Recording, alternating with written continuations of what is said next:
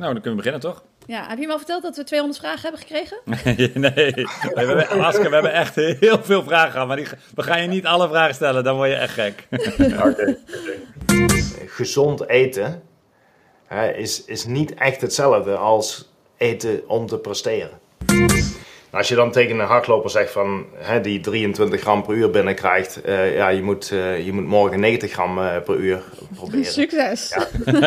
ja, inderdaad. Dat, eh, dat gaat geen succes worden. Eh, of zorg dat je de taart gebakken hebt voordat je de kers op de taart zet. Ja, dat was, eh, was echt niet, eh, niet zo heel eh, mooi. Waar ik mo- moeite had om niet elke keer tegen die eh pion aan te lopen. Naar de vaantjes, naar de Ja, dit is vaantjes. het naar de vaantjes verhaal.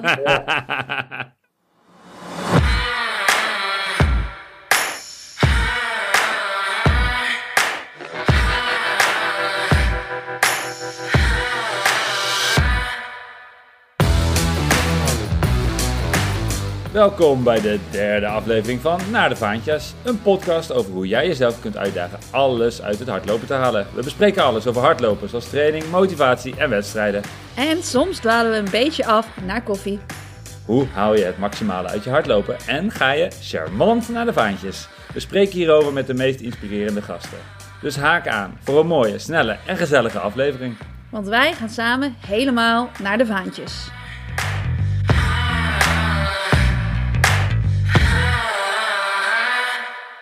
Mijn naam is Simon Muller en aan de andere kant van de lijn zit ze, net wakker, Olympisch atlete en bondscoach, Susan Cremens. Yay, ik heb pas één koffie op. Echt nog kleine oogjes, hè? Dus, je hebt eh, echt klein oogjes. Ja, dadelijk eventjes eh, misschien een eh break inlassen voor een tweede koffie. Ja, nou, de volgende podcast nemen we weer wat op een normale tijdstip op. Maar dit, Ja. dit kon nu niet anders. Maar ik ben al lang blij, want we gaan het vandaag hebben over voeding. Ja. Jij kan natuurlijk heel goed hardlopen, maar jouw andere twee kwaliteiten zijn slapen en eten. En vandaag gaan we het over eten hebben. Ja, inderdaad. Is mijn specialiteit. Daar ben ik erg goed in. We hebben een mooie gast. Hele mooie gast. Ja, Aske Jeukendrup. Ehm, ik denk een van de bekendste inspanningsfysiologen en sportdeskundigen die, nou, in ieder geval die ik ken. En jij kent hem ook goed volgens mij? Eh, ik, nou, ik ken hem eigenlijk niet persoonlijk, maar ik heb wel heel veel podcasts met hem al geluisterd. Ik ben wel stiekem een beetje fan. Ja, ik ben ook fan. En ja, nou ja, als je veel naar hem luistert, dan denk je dat je hem kent. Maar hij, hij kent ons dan misschien een stuk minder. Dat is ook waar. Ja, hij doet natuurlijk ook wel wat voor Team NL. Volgens mij is dat dan eh, performance nutritionist of zo. Maar ehm, ja, ik heb in die rol in ieder geval nooit eh, direct met hem contact gehad. Nee. Eh, maar hij was ongetwijfeld in die hoedanigheid ook mee naar de Spelen. Hij was vast Ja. wel in Tokio. Ik heb hem daar niet gezien, maar nou ja, misschien kan hij daar straks wat meer over vertellen. Ja, ik heb even een beetje research gedaan wat hij, eh, wat hij allemaal eh, doet Hij of heeft gedaan. Ja, Hij heeft alleen al meer dan 250 publicaties. Nou, één publicatie is echt al heel veel werk. Eh Ja. tien, tien boeken. Maar hij heeft ook echt, eh, echt in heel veel verschillende sporten dingen gedaan. Dus hij heeft sowieso bij mijn favoriete voetbalclubje PSV eh, veel gedaan. Maar ook eh, bij Barcelona, bij het Braziliaanse team. Hij zit bij eh, Jumbo-Visma en nog bij veel meer wie- wielerploegen volgens mij. ja. Ehm, maar ook in het lopen. Bijvoorbeeld, nou, ik weet niet hoe lang geleden dat is, voor onze tijd zelfs. Uh, Haile Gebrselassie heeft hij begeleid. Dus nou, veel ervaring in verschillende sporten. Dus nou, kan ons veel vertellen over wat wel en niet goed is met voeding. ja. ben benieuwd. Hey, we waren deze aflevering zoals altijd natuurlijk weer tot in de puntjes aan het voorbereiden. Eh, en toen had ik jou gisteren aan de telefoon. Nou, dat Ja. ging best goed, die voorbereiding. En ineens was je weg. Ja, Wat was er? Ja, mijn telefoon ging naar de vaantjes. Alles en iedereen gaat naar de vaantjes. Ja, Eh, en, maar nemen we dit nu op met jouw telefoon? Nee, daarom nemen we dit niet op met mijn telefoon. Oh, gelukkig. Nee, we gaan eh, om een Wat? beetje structuur aan te Ja, bieden. Wat? Ja, we moesten ook wel voorbereiden. Met al die vragen. Echt superveel vragen gekregen. Dat is wel heel leuk natuurlijk. Ik denk een wereldrecord aantal vragen. Denk het ook. Nou, het lieve- best. En zijn best. En lieve luisteraars, we gaan ze niet allemaal beantwoorden. Nee. eh, maar wel is, eh, zoveel mogelijk. Ja. Ja, this is not a consultation. This is a conversation. precies. Ja, Ehm, en ik dacht dat het misschien nou slim was om het een beetje op te delen in... dat we het eerst gaan hebben in de periode voor een wedstrijd en tijdens een wedstrijd. Eh, Mhm. dus eh, nou, daar kun je, ja, kunnen we, ja, hebben we heel veel vragen over. De periode, dus dat is weken ervoor, maar ook, ook de ochtend ervoor. Ehm, en daarna wil ik het ook nog even hebben over na de wedstrijd. oké. Nou, we eens goed idee? kijken of we ons aan deze structuur kunnen houden. Ik kan niks beloven. Vraag 1. Wat moet ik eten na de wedstrijd? Ja, dus uh, nou goed, we gaan het zien. Ja, ja gaan we zo doen. Hey, en um, jij, bent, jij hebt drukke weken volgens mij. Ik heb drukke weken, ja. Ik heb drukke weken gehad, maar wel leuke drukke weken. Dus uh, ja, natuurlijk met, met de groepen Papendam, maar ook een aantal andere dingetjes eromheen. En, uh, was, was, jij, was, jij, was jij erbij aanwezig? ik was weet, jij erbij? Ik weet waar jij het over hebt. Dat is over een paar jaar gaan we zeggen, weet je nog waar je was toen Femke Bol het wereldrecord brak? Ik was er inderdaad bij. En uh, ik, ik wist, um, ik had natuurlijk een beetje tijd doorgebracht al uh, op de warming-up track. En ik had al wat rumors gehoord dat ze wel van plan was om, om hard te gaan lopen. Dus ik dacht van, oh, dat gaat leuk worden. Um, dus goed opletten, alsof ik dat anders niet zou doen. Uh, ja, en ze, ze ging inderdaad best wel hard. Het zag er uit alsof ze niet hard ging. Uh, het zag er heel ontspannen uit. En na een rondje, toen uh, zag ik opeens... Want als iedereen stilstaat in zo'n in zo'n indoorbaan... en dan alleen maar de atleten die rennen... dan valt het heel erg op als iemand anders opeens ook beweegt. En ik zag vanuit mijn ooghoek zag ik iemand aankomen sprinten richting de finish. En ik dacht eerst, oh my god, er is een soort van streaker of zo. Maar hij had wel kleren aan. Maar ik dacht van, er gaat hier iemand iets doen. En hij kwam echt van 20 meter ver aangesprint. En toen gooide hij een van die fotografen om die daar in de bocht stond. Uh, en anders had hij echt, die had denk ik wel met zijn camera in de weg gestaan voor het wereldrecord. En ja, of ze nou geraakt zou zijn of niet, dat weet ik natuurlijk niet. Maar als ze ook al maar een klein beetje misschien naar, naar buiten was gedraaid met de hoofd, dan had ze misschien het wereldrecord niet gehaald.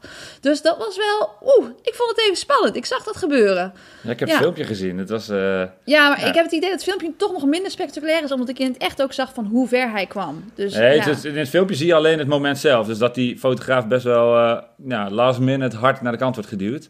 Het hele nee. traject wat jij daarvoor hebt nee, gezien, dat uh, heb ik niet hij, gezien. Hij redde het net. En weet je wat is? Die fotograaf die staat daar en die denkt misschien... ik sta niet op de baan, dus het is oké. Okay. En hij stond natuurlijk ook rechtop. En volgens mij leunde die met zijn camera ook niet over de lijn. Maar je moet wel weten, als ze zo hard gaan, die meiden... dan, dan hangen ze ook helemaal naar binnen in de bocht. Hè? Dus die, die lopen niet rechtop. Die, die hangen echt helemaal naar binnen. Dus uh, ja, vandaar dat het nog een beetje gevaarlijk was. Maar gelukkig is het allemaal goed gekomen. Yeah. En uh, heeft hij ons wereldrecord gered. En het was echt vuurwerk naar de hand. En mensen konden het niet geloven. En het was ah, die echt, stilte, was zo als het over de finish komt en dan... Als ja. die tijd dan erop springt dat, en dan dat geluid, dat was mooi. Ja. Dat zat helemaal bomvol, hè? Ja, het zat helemaal vol. Het was echt... Uh, ja, dat was voor mij natuurlijk... Die, ik had het weekend ervoor was ik al met NK Junior geweest. Maar dat was eigenlijk de tweede keer in, in, in Omnisport dan. En... Um, ja, het was wel echt een bijzonder sfeertje. Het was heel, was heel mooi. Ja. En belooft wat in 2025, want dan uh, is het uh, Europees kampioenschap daar. Ja, dus uh, ja, dat zal ongetwijfeld dan uitverkocht zijn. Dus zodra die tickets on sale komen, dan zou ik ze pakken. Vooral voor de laatste ja, ik had gewoon niet verwacht. Je, je denkt, het wereldrecord in Apeldoorn, dat is gewoon... Apeldoorn is de mooiste stad van Nederland, daar kom ik vandaan. maar ik had niet van tevoren gewoon... Is dat niet echt een optie in je hoofd? Nee. En ze lopen natuurlijk twee rondjes. En na de eerste ronde liep Femke op kop. En dat is ook eigenlijk ongebruikelijk als ze tegen Lieke loopt. Want Lieke, ja, die is gewoon heel snel. Zeker ja. op die eerste 200 meter. Dus Ja. toen dacht ik al, hè, dit is, dit is gek. Uh, ja, nee, ja, toen ze de bocht uitkwam, zag ik al van, oh, dit was de plan om er net voor te zitten. Ja. En, en ze redden het ook net. Het was helemaal precies goed op elkaar afgestemd. En ik denk dat ze elkaar ook helpen. Weet je wel, dat, dat, dat pusht Lieke natuurlijk ook naar een, naar een nieuwe toptijd. Dus het is, uh, ik denk dat het wel een, een mooie combinatie is zo. Ja, want het gaat nu alleen maar over Femke, maar Lieke staat gewoon ook tweede van Europa nu, hè? Ja, dat, precies. De, dus... Kudos voor, voor Lieke, want die heeft echt keihard gelopen. ja. Ja. ja. Nou, gaaf. Ja. Heb jij nog gerend? Ook hard. ook hard. Een stuk minder hard. Wel, wel veel meer. Wel veel meer. Oh. Ja, ik, nou ja, ik ben natuurlijk in voorbereiding op de, op de Marathon van Rotterdam. Wat echt heel erg uh, lekker gaat. En dan moet je ook af en toe een lange duurloop doen. Mm. Uh, en dat was, uh, dat was gisteren. Um, en eergisteren, toen ik naar bed ging, opende ik, zoals zo vaak, mijn Strava. En toen zag ik Ben uh, Hobson uit, uh, uit Londen. Die had een rondje Londen gelopen. Hmm. Um, dat heet uh, Run the Ring. Oh ja. Greater London, dat was, dat was, een behoorlijke ring, of niet? Ik wou zeggen, want in Hilversum kan dat ook. Maar volgens mij is dat echt 25 kilometer of zo. ja, ik dacht, oh, dat ga ik morgen doen. Dus lachen, doe ik dat in Utrecht. Ja. Um, heb, ik gelijk me, heb ik gelijk een doel. Dan zit je al een beetje in je hoofd te denken hoe je kan lopen. Is best leuk, want je wil, ja, je wil elke wijk omsluiten. Ja. Ehm, maar toen was ik aan het lopen, toen dacht ik wel, nou, het is toch best wel ver. ja. dus eh, uiteindelijk heb ik 32 kilometer gelopen, wat, wat ook de bedoeling was. Nou, 30 was eigenlijk de bedoeling, maar voor een lange duurloop prima. Was het Alleen wel heb- een rondje dus? Of had je een soort van Pac-Man ervan gemaakt? Ja, eigenlijk wel een kleine Pac-Man aan het eind. Dus sorry Ja. Leidse Rijn en oog en al, want dat werd echt te gortig. Oh, die worden, zich, worden gewoon buitengesloten. Ja, Ja. jammer. Maar een rondje om Utrecht. Het is wel echt leuk om een rondje om je eigen stad of dorp of dorpen te lopen. Het, eh, dat, eh, ja, loop je gewoon nieuwe route. is leuk. Ja, leuk idee. Ja. Maar goed, Eh, bruggetje naar voeding. Eh, van tevoren heb ik... eh, Wat heb je gegeten? Dat heb je niet nuchter gedaan deze, hoop ik. Nee, deze was echt perfect, want ik had, ik had wel veel werk, maar best wel flexibel. Dus ik ja, gewoon opstaan, ontbijten, even werken en dan om een uur of tien gaan lopen. Dat heb ik eigenlijk het liefst. Ook qua eten vind ik dat het fijnst, want dan kun je gewoon normaal ontbijten. Ja. Ehm, ja, is gewoon fijner dan gelijk na het ontbijt, want het is toch eh, ja, minder relaxed. En Was eh bammetje met eh, fruithagel? Of, Nee, gewoon een havermout. Havermout met cranberries en bananen. Oh, een haverboom. met Ik, ik verbaas me toch altijd over die cranberries. Ik vind dat toch vezels, risico. Ik ben eigenlijk wel benieuwd wat Aske daarvan vindt. Maar goed. Ja, ik doe het gewoon voor de lekker. Oh, voor de lekker. Oké, voor de lekker. Lekker aan de scheiterij tijdens mijn lange duurloop. Lekker. Nee, je, moet het, je moet toch doen wat je altijd doet. Nee, dat is ook waar. Als het werkt voor jou, dan is het perfect. Maar ik vind dat knap. Ja. En dan vlak van tevoren neem ik nog een, eh, een bidonnetje met, eh, eh, met Morten. En ja, dan, dan ga ik als raket. Dus het gaat prima. Ja, en onderweg niks. Eh, nee, normaal, ik zou, soms neem ik wel een jelletje, maar nu eh, had ik die ook gewoon niet in huis. Dat Ik hou ervan. Dit is zo goed vooruitgepland. Nee, ik ben zelf niet het beste voorbeeld van alles wat we zo meteen gaan horen, denk ik. Maar eh, maar als je, je hebt toch wel iets zoets wat je dan mee... Kun je toch ook winegums of iets meenemen of zo? Nee, heb je dat ook niet? Nee. nee, cranberries, maar dat mag dus niet. Nee, dat is het lijkt. Ja, ja, goed, je moet het zelf weten natuurlijk. Het is hè, jouw duurloop. Maar eh, Nou, leuk. Hey, eh, en we gaan straks nog even hebben over bicarbonaat. oh ja. Ehm, dat is ook wel eh, eh, hot. Heb ik zelf nog nooit gebruikt, maar jij volgens mij wel, hè? Ja, klopt. Vooral toen ik 1500 liep. Maar ik weet dat er ook wel, zeg maar, langere afstandlopers zijn die het ook wel gebruiken. Ik vond het zelf, vond ik dat altijd een risico. Dus ik heb het meer als 1500 meter lopen gebruikt. Maar dat was wel, ja, dat was wel leuk. Ja, Nou, gaan we ook Ja. uitgebreid over hebben straks. ja. Ehm, laten we Aske erbij roepen. Ik ben, ik ben er helemaal klaar voor. oké, komt-ie. Aske, goedemorgen. Welkom in de show. Ja, goedemorgen. Ehm, ik zie eh wielershirts achter je hangen. Waar, eh, waar zit je? Ik zit eh, thuis en thuis voor mij is in, in Engeland. Dus ik ben ja, een hele tijd geleden naar Engeland verhuisd. En eigenlijk ben ik daar nooit weggegaan. Dus ik heb op verschillende plekken gewerkt, maar altijd in de buurt van Birmingham blijven wonen. Dus dicht genoeg bij Nederland, maar ook ja, in de buurt van een vliegtuig, zodat ik makkelijk eh, naar andere plekken kan. Want je bent veel, eh, je bent veel onderweg. Ik ben inderdaad veel, veel onderweg, omdat ja, ik werk eh, in, in sport, maar dan over de, eigenlijk een beetje over de hele wereld. Dus dan, ja, dan is het gewoon belangrijk dat je dicht bij een vliegveld woont. Eh, en het, het land maakt niet zo heel veel uit. Ja, want we zien eh wielershirts hangen. Je hebt ook veel in het voetbal gedaan. Of doe je misschien nog steeds. In welke sporten ben je nu vooral eh, in actief? Eigenlijk nog steeds eh, wielrennen, voetbal en dan ja, in Nederland eh, doe ik ja, eigenlijk eh, hoofd van eh, voeding voor Team NL. Dus eh, ja, alle Olympische sporten eigenlijk vooral. Ja, we hadden het er net En dan, al eventjes over. Sorry, over de Team NL. J- jij was dus ook in Tokio. Ja, ik was, in, eh, ik, ik was inderdaad in eh, Tokio. En eh, daar, daar zijn we met, met hele plannen naartoe gegaan wat we daar met voeding gingen doen. En dat werd Ja. een dag één al een klein beetje anders. Oh, wat Omdat, er?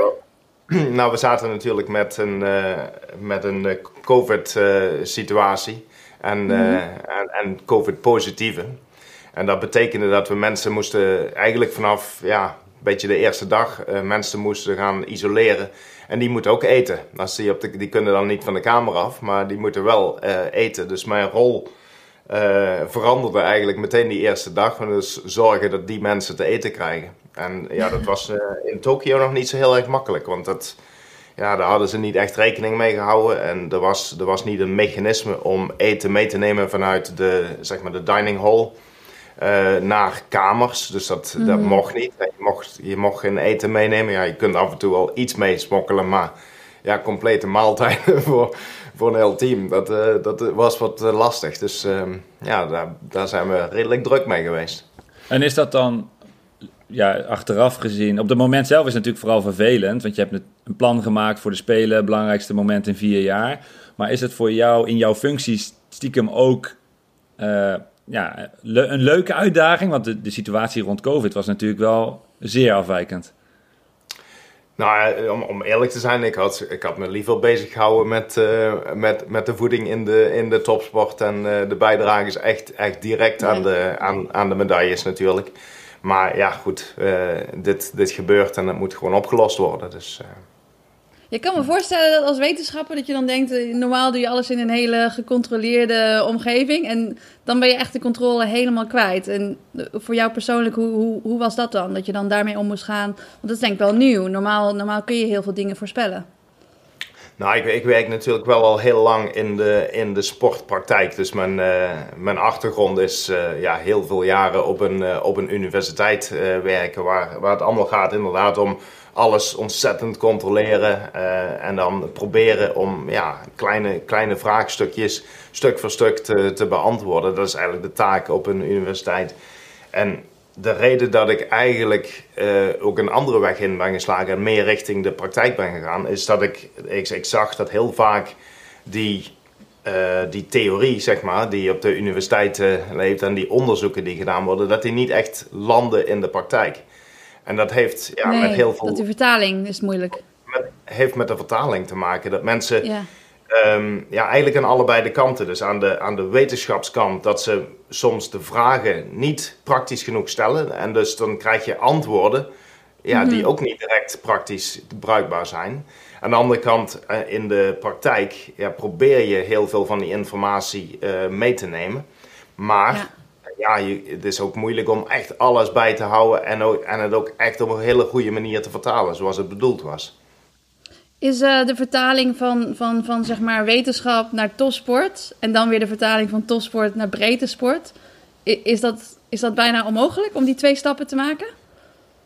Nou, ik denk, ik denk eigenlijk dat ik daar een beetje zo in sta dat het helemaal niet zo anders is in de breedte sport. Het belang is natuurlijk anders. Hè? Dus, Dus, dus, het is belangrijk eh, voor onze luisteraars.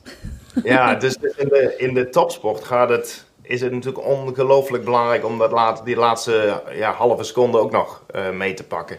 Ja, voor de, voor de gemiddelde loper of, eh, of, of wielrenner, ja, of je nou een halve seconde eerder of later thuis bent, dat is, dat is niet zo heel erg. Dus daar zit eigenlijk het grootste verschil. En niet zozeer in dat ja, de fysiologie echt anders is of dat het fundamenteel de adviezen echt anders zijn. Dus eh, eh, het, is, ja, het is misschien vaak net iets minder belangrijk. Hè? En, en je doet misschien net iets minder moeite om dat laatste kleine beetje eruit te persen. Maar, maar verder, eh, ja, alle adviezen die ik geef aan topsporters, zeg maar, die zijn echt niet anders voor de, ja, de gemiddelde sporter.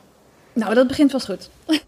Ja, nee, ja, misschien is het, eh, weet je, die grote, belangrijkste stappen, die, eh, ja, die hebben die topsporters natuurlijk allemaal al lang gemaakt. En een, en een breedte sporter, die kan daar dus nog heel veel winst eh, uithalen. Zo kun je het ook zien. Ja.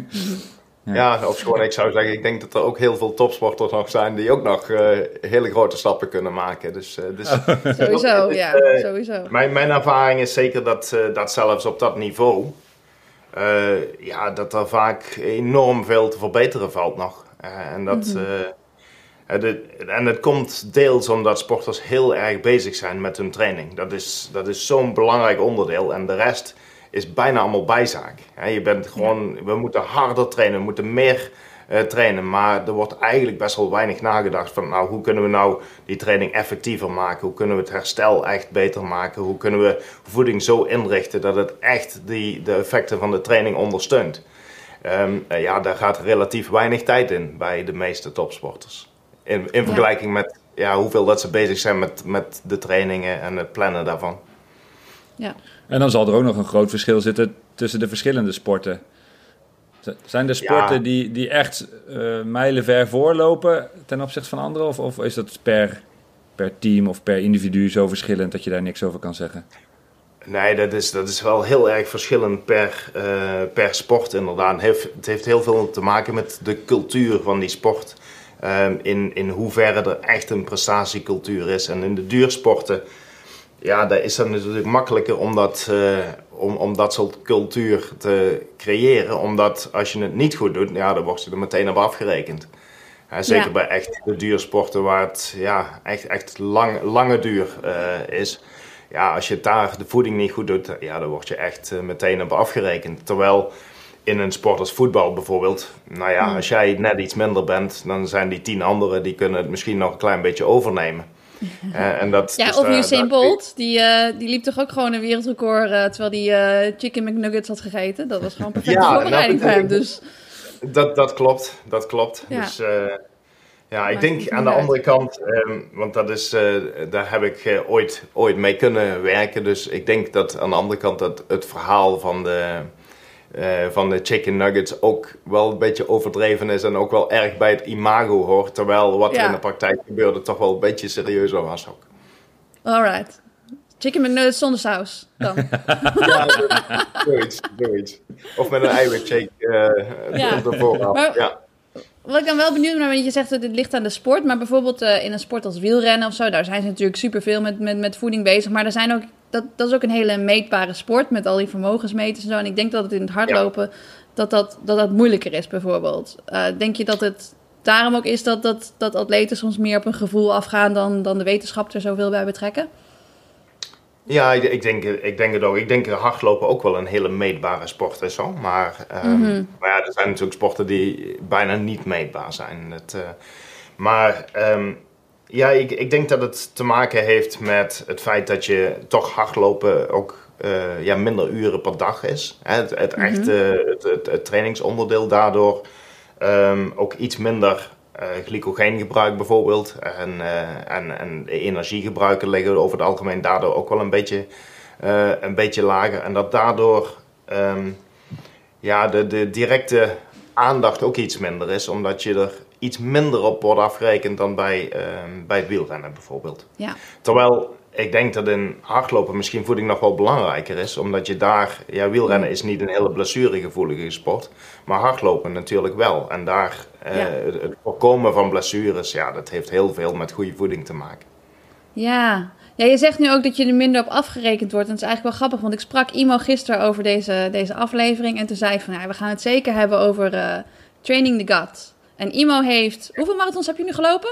Ja, 20 of zo. 20 marathons. En ik zei tegen hem Training the Gut. En hij zei, waar heb jij het over?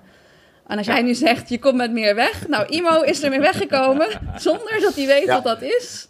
Maar ik doe het stiekem nee, wel, denk ik. Alleen noem Denk ik je het dat? niet Oh, je hebt het even gegoogeld, of niet? Maar, maar misschien even goed, eh, want, eh, Nee, want hij moet dit, het dit even- gebruik jij vaker, eh, deze term volgens mij. eh, Oscar. Zou, zou je een beetje kunnen uitleggen wat, eh, waarom Suzanne mij belachelijk maakte en waarom het belangrijk is? En wat het überhaupt is, Training the gut. Nee, maar ja, ik, ik denk, eh dit is een prachtig voorbeeld, denk ik. Dat, ehm, kijk, we hebben, we hebben mooie richtlijnen voor koolhydraatinname tijdens inspanning. En dat is allemaal gedaan in die studies, eh, heel gecontroleerd in laboratoria. En daar kun je laten zien dat als je, een, eh, als je meer koolhydraten eh, het lichaam kunt inkrijgen tijdens een langere inspanning, dat dat eh, resulteert in een betere prestatie. Alleen het probleem is dat mensen vaak zeggen van ja, maar ik kan maar zoveel, ik kan maar, ik kan maar eh, twee slokjes drinken of ik kan maar één eh, gel nemen. En de- zeker zie je dat in het hardlopen zo. Hè. De, de meeste hardlopers zijn zeker niet gewend om, eh, ja, om, om heel veel binnen te krijgen tijdens een marathon.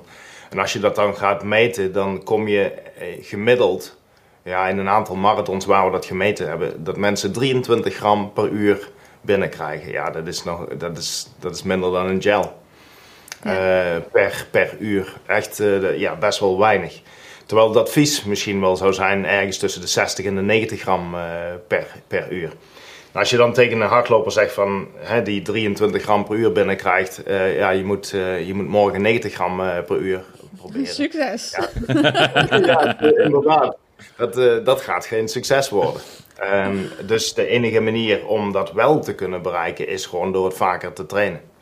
En Ja. bij wielrenners is het makkelijker, want die zitten vaak op de fiets en die hebben, hè, die hebben de achterzakken vol met, eh, met eten. Die zijn wel gewend om iets te eten en te drinken tijdens een langere inspanning. Mhm. Maar ja, de gemiddelde marathonloper gaat, niet, gaat geen eten meenemen als ze gaan, gaan trainen. Dat is, dat is gewoon, ja, wordt vaak niet gedaan. Maar wat, vind je, wat versta jij... Oh, sorry, want wat versta je onder, onder trainen van, uh, van inname? Kijk, je, dat voorbeeld van 23 wil je nou ja, misschien wel naar 90, maar goed, dan ga je eerst maar eens naar 30. Is, het, is trainen dan gewoon in training steeds proberen iets meer? Of heb jij nog andere dingen hoe je dat zou kunnen trainen als, nou ja, in dit geval marathonloper? Um, ja, het gaat, het gaat natuurlijk, het belangrijkste is dat je gaat proberen om dat doel wat je je stelt, of dat nou 30 of 60 of 90 gram per, per uur is, om daar langzaam naartoe te werken. Dat, dat is uh, het belangrijkste. Maar er zijn verschillende manieren om dat te doen. Uh, mm Een van de manieren is gewoon misschien één keer per week een, uh, een training nemen. Of dat nou de zaterdag de lange, de lange loop is op zaterdag. Waar, waar je probeert om zo dicht mogelijk richting, die, ja, richting je doel te komen. 90 gram per uur of wat het dan ook is. Um, een andere mogelijkheid is om de koolhydraatinname in totaal een beetje te veranderen. Want wat je, wat je dan ziet, is als je koolhydraatinname hoger is, dan ga je ook meer transporters in het darmstelsel uh, krijgen. En die transporters heb je nodig om koolhydraten op te nemen. En die opname, weten we, dat is de beperkende factor. Dus als, uh, stel je hebt iemand die um, ja, koolhydraten vermijdt. Hè, laag, uh, laag koolhydraat dieet en is bang, bang voor koolhydraten. Dat betekent dat je darmstelsel heel weinig van die transporters zal hebben in het maag-darmstelsel. En dan hebben diezelfde mensen hebben wel gelezen dat het goed is om, om gels en spoordranken te nemen tijdens een marathon. Dus die gaan naar de, de marathon toe, doen het dan ja, wel met een hogere koolhydraatinname. Maar je hebt gewoon de capaciteit niet om het op te nemen.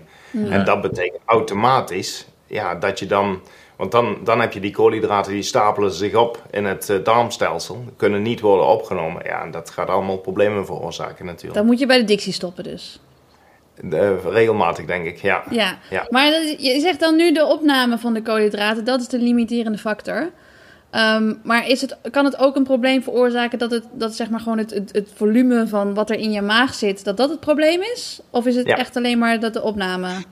Of, of is nee, het de opname is wel een, ja, de opname is een hele belangrijke factor, maar um, je, hebt, je hebt ook heel veel te maken met comfort natuurlijk, hoe dat voelt. Ja. want de reden dat je vaak niet meer kunt innemen is gewoon omdat het, ja, het voelt alsof het vol is en vol mhm. blijft. Mm. dat is ook iets wat trainbaar is. En dit is iets ja. wat... Um, in Amerika heb je die, uh, die eetcompetities waar... Uh, oh ja, die hotdog competities. Ja, daar krijg, je, dus, daar krijg je 10 minuten de tijd om zoveel mogelijk hotdogs um, met het broodje op, uh, op te eten. En het, het wereldrecord is ergens rond de 70. Ja, um, wauw. En goed getraind. Het, het en die drinken dat gewoon, hè? Ja, maar dit, dit, voor hun is dat, ja, dat, is, dat is de sport. En die hebben ook mm. dus een in seizoen en dan hebben ze een off-season. En uh, in de off-season kunnen ze dus echt niet zoveel naar binnen werken. Nog niet eens de helft. Ja. Um, dus ze moeten echt, ja, na, die, na een periode van training, dan komen ze in hun uh, seizoen. En dan ja, kunnen ze mm. dat zeg maar van, van 30 richting 70 uh, hotdogs uh, brengen. En dat heeft heel veel te maken met hoeveel dat je maag kan, kan uitzetten. Hoeveel, hoe dat aanvoelt. Um, ja. Dus ja, er zijn heel veel factoren die trainbaar zijn. Maar dat comfort, is dat, is dat iets wat je heel snel kunt trainen? Want ik weet van mezelf bijvoorbeeld dat ik... Ik dronk altijd wat en at altijd wat voordat ik ging lopen. En ik heb daar nooit problemen mee gehad. Maar ik weet dat er loopsters zijn waarmee ik trainde die dat dus niet konden. Uh, en het lijkt me zoiets van als je daar één keer doorheen pusht... dat je dan op een gegeven moment daar best wel snel aan kan wennen. Is dat zo? Uh, ja, ik denk, we hebben helaas heel weinig studies die dat uh, laten zien. Maar er is een hele okay. mooie studie in hardlopers waar ze laten zien, als je het vijf dagen achter elkaar doet, kun je de vijfde mm. dag al meten dat er echt een verschil is in hoe, dat, hoe het aanvoelt. En uh, dus ja, het gaat eigenlijk heel snel. Wat deden ze in die studie dan? Sorry. In die studie deden ze de, de eerste dag, mochten, die, mochten de lopers gewoon zelf weten hoeveel uh, dat ze dronken tijdens de training. En uh, toen werden de zwe zweetverliezen gemeten. En dan, ja, dan is de, de inname is natuurlijk heel klein. En je gaat best wel wat gewicht uh, verliezen, omdat je best wel veel zweet. Dus de mm -hmm. tweede keer dat ze liepen, moesten ze precies zoveel drinken als dat ze gezweet hadden.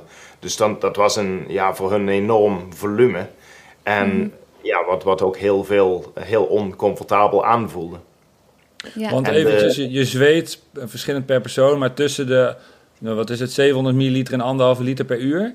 Is, dat een beetje... ja, eh, misschien wel 2 liter per uur, afhankelijk Oh, van ja. in- intensiteit en afhankelijk van de, van de persoon. Dus eh, ja. ja. Eh, dus als je dat, ja, als je zo- zo'n volumes, hè, zelfs, zelfs 1 liter per, per uur, hè, als, je dat, als je dat niet gewend bent en je moet dat in één keer gaan, eh, gaan drinken, dat, dat is enorm. Dus echt, echt wel oncomfortabel.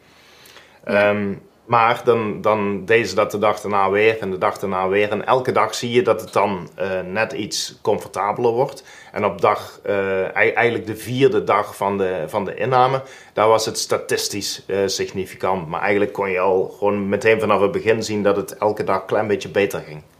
Ah, interessant. interessant. En dat, dat Ja. is ook eerlijk, in de, eerlijk gezegd in de praktijk mijn ervaring. Als je, dat, eh, als je dit soort dingen met, eh, met lopers doet, of, eh, of ook, ook in andere sporten waar dit belangrijk is.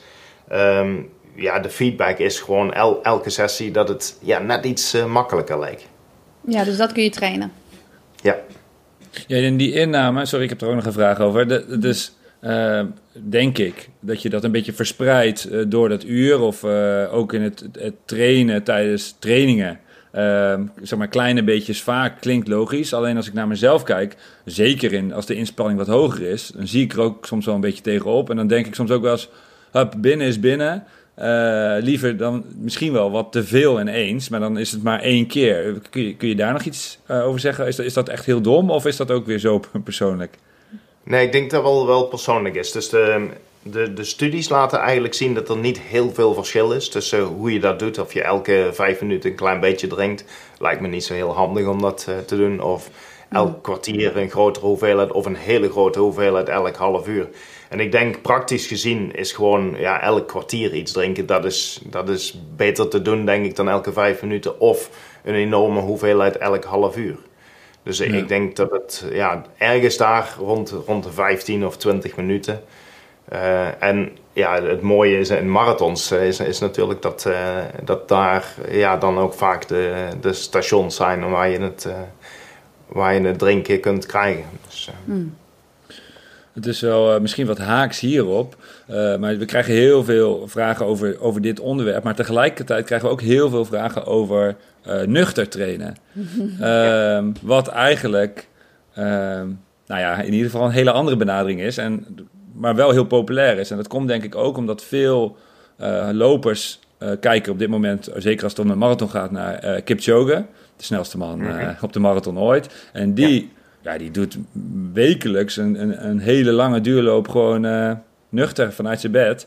Nou, ik ben daar zelf heel slecht in, maar dat wordt wel veel gekopieerd. Is dat, is dat slim? Is dat goed? Ja, het, is in elk geval, eh, het is in elk geval niet slecht. Dus als je echt naar het, eh, naar het onderzoek gaat kijken, dan is er, ja, is nog relatief beperkt bewijs dat dat echt beter is dan iets anders.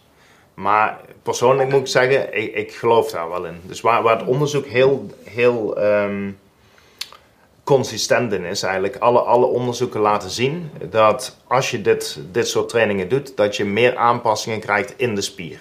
En je spier wordt ook echt beter in het gebruiken van vetten als brandstof.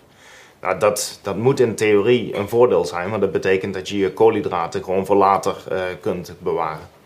Eh, En, en zeker in marathon, eh, daar, ja, daar is de, het uitgeput raken van de koolhydraatvoorraden is een van de vermoeidheidsfactoren. Hè, die, die echt prestatiebepalende factoren. Dus Ehm, in, in principe zou het trainen van je vetverbranding echt moeten, moeten helpen. En de studies laten echt zien dat op spierniveau dat daar aanpassingen zijn die eh, vetverbranding beter maken.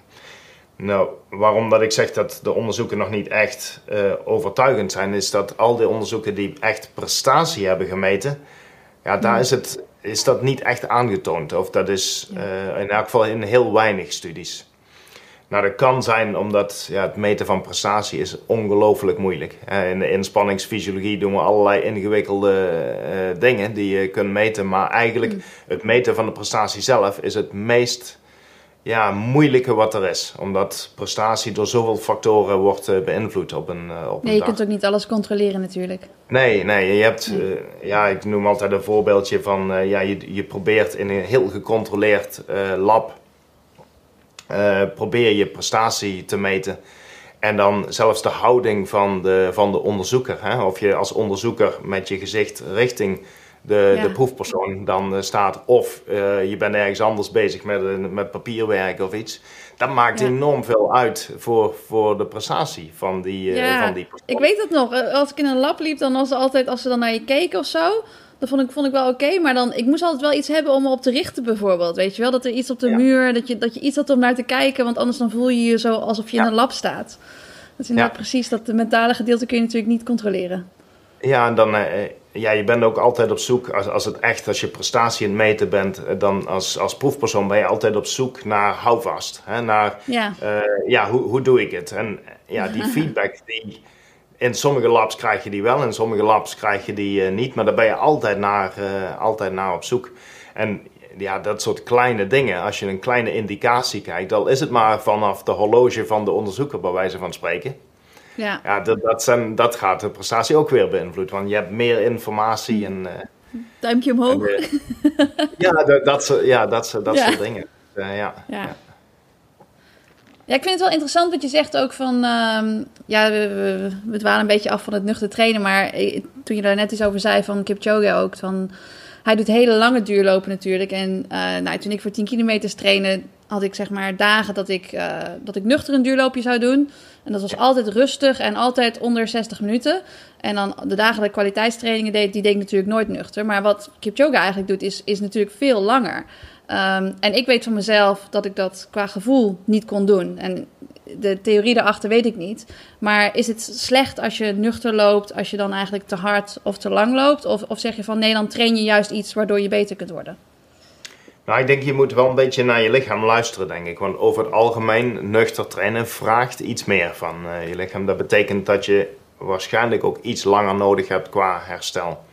En dat, dat valt wel mee als de trainingen heel rustig zijn, maar dat valt niet mee als, uh, als je ook probeert tegelijkertijd nog een beetje kwaliteit in de, in de trainingen te brengen.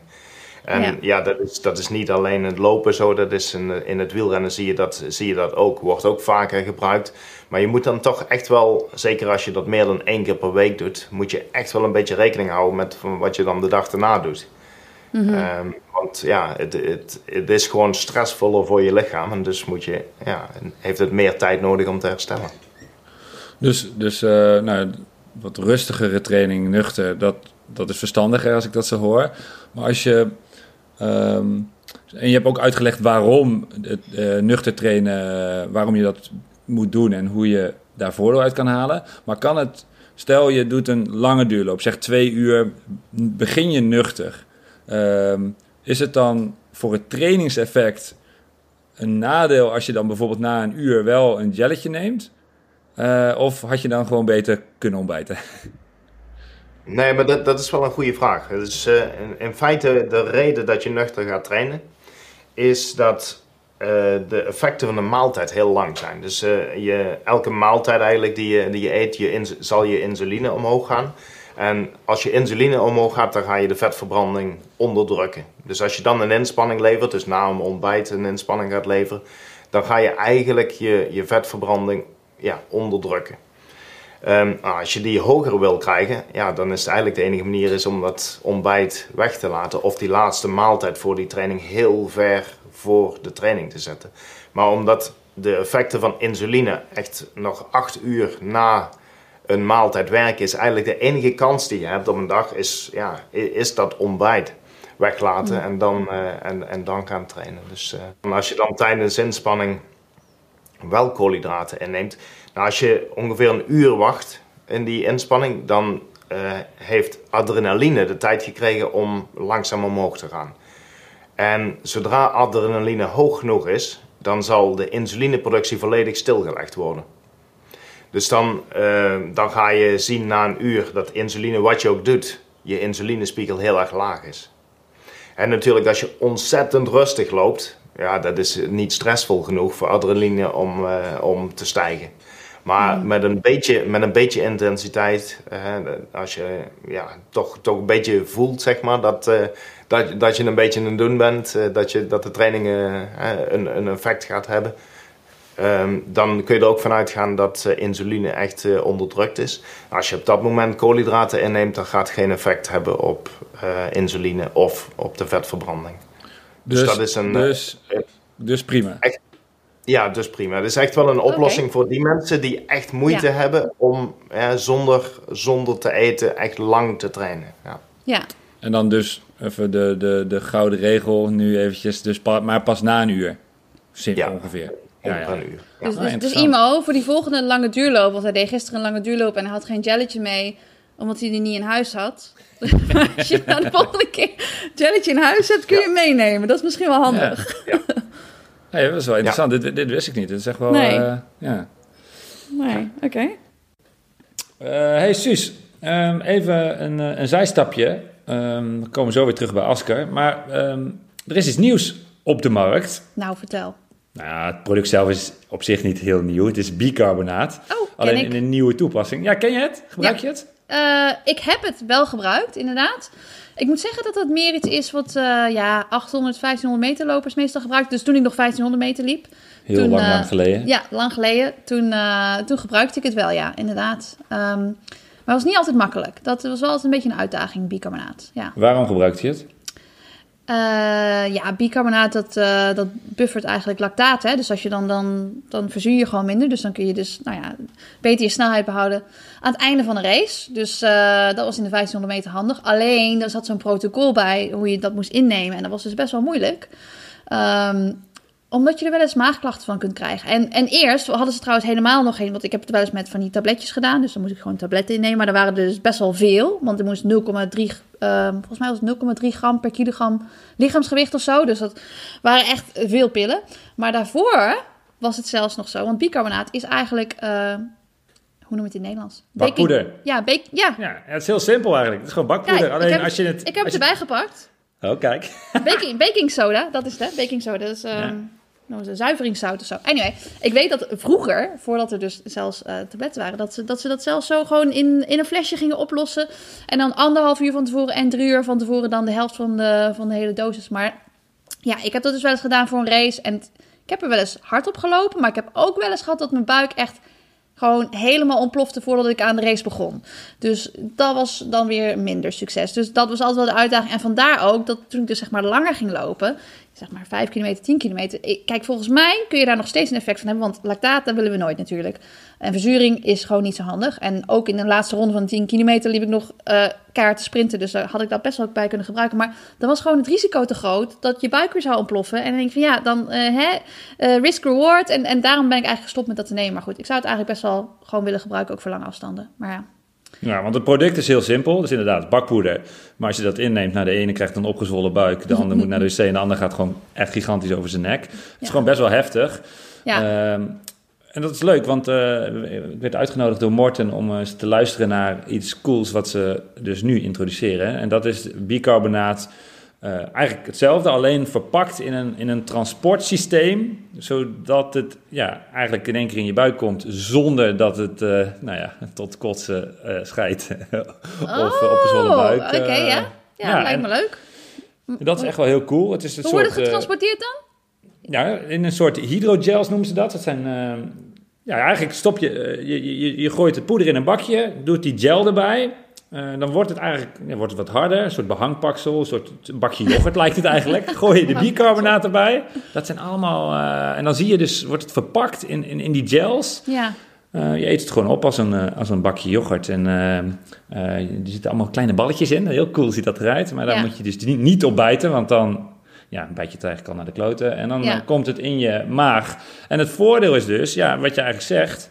Um, ja, ik weet het niet helemaal precies, maar je, je, de pH of de zuurgraad van je bloed wordt iets lager. Mm -hmm. uh, en daardoor kun je, simpel gezegd, beter verzuren. Ja, als we dit aan Asker vragen, dan... Nee, dan vast een veel betere uitleg. ja, en, uh, en het is bewezen dat het, uh, zeg maar, met inspanningen tot 10 minuten echt een, een groot verschil kan maken. Ja.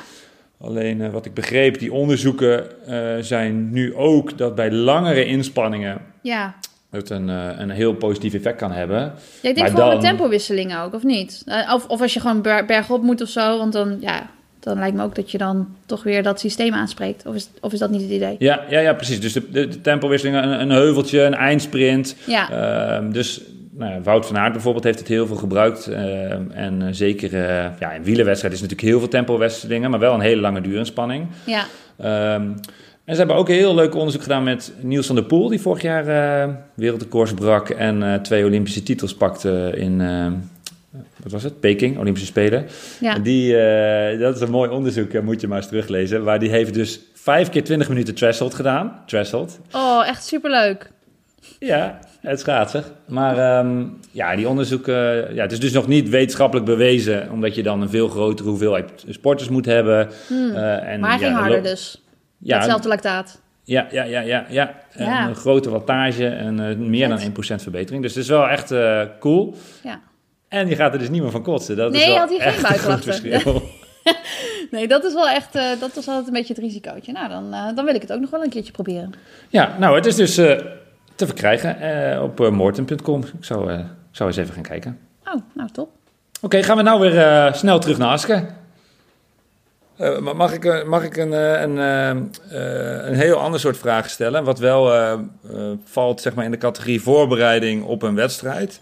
Um, en jij hebt er ook mee te maken gehad, Suus, toen jij zilver won in Berlijn. Namelijk een hele warme dag. En dat is Oh, ja. wat heel veel lopers vrezen. En nu ook voor Rotterdam die eraan komt. Veel lopers ja, gaan het weer al checken. Nou, wind is natuurlijk een, een, een probleem, maar 20 graden of warmer is voor lopers ook echt een probleem. Ja. Dat, daar kun je niks aan veranderen. Het weer is het weer. Maar in training, voorbereiden op een warme marathondag, wat, wat, wat is daar eh, ja, bewezen eh, effectief? Nou ja, ik denk dat bewezen is dat de, de belangrijkste manier om je voor te bereiden is, is om ook in dezelfde omstandigheden of vergelijkbare omstandigheden gewoon te, te trainen. En dan is het, Mm. dan kun je de nadelige effecten van de hitte gewoon echt, ja, niet, niet helemaal wegwerken, maar... eh, is lastig in wel Nederland, hè?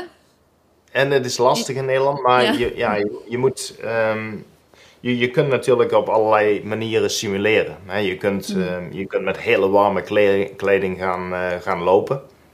En dat, ja, dat, is, eh, dat is echt wel een, ja, eh, iets, iets wat iedereen kan doen.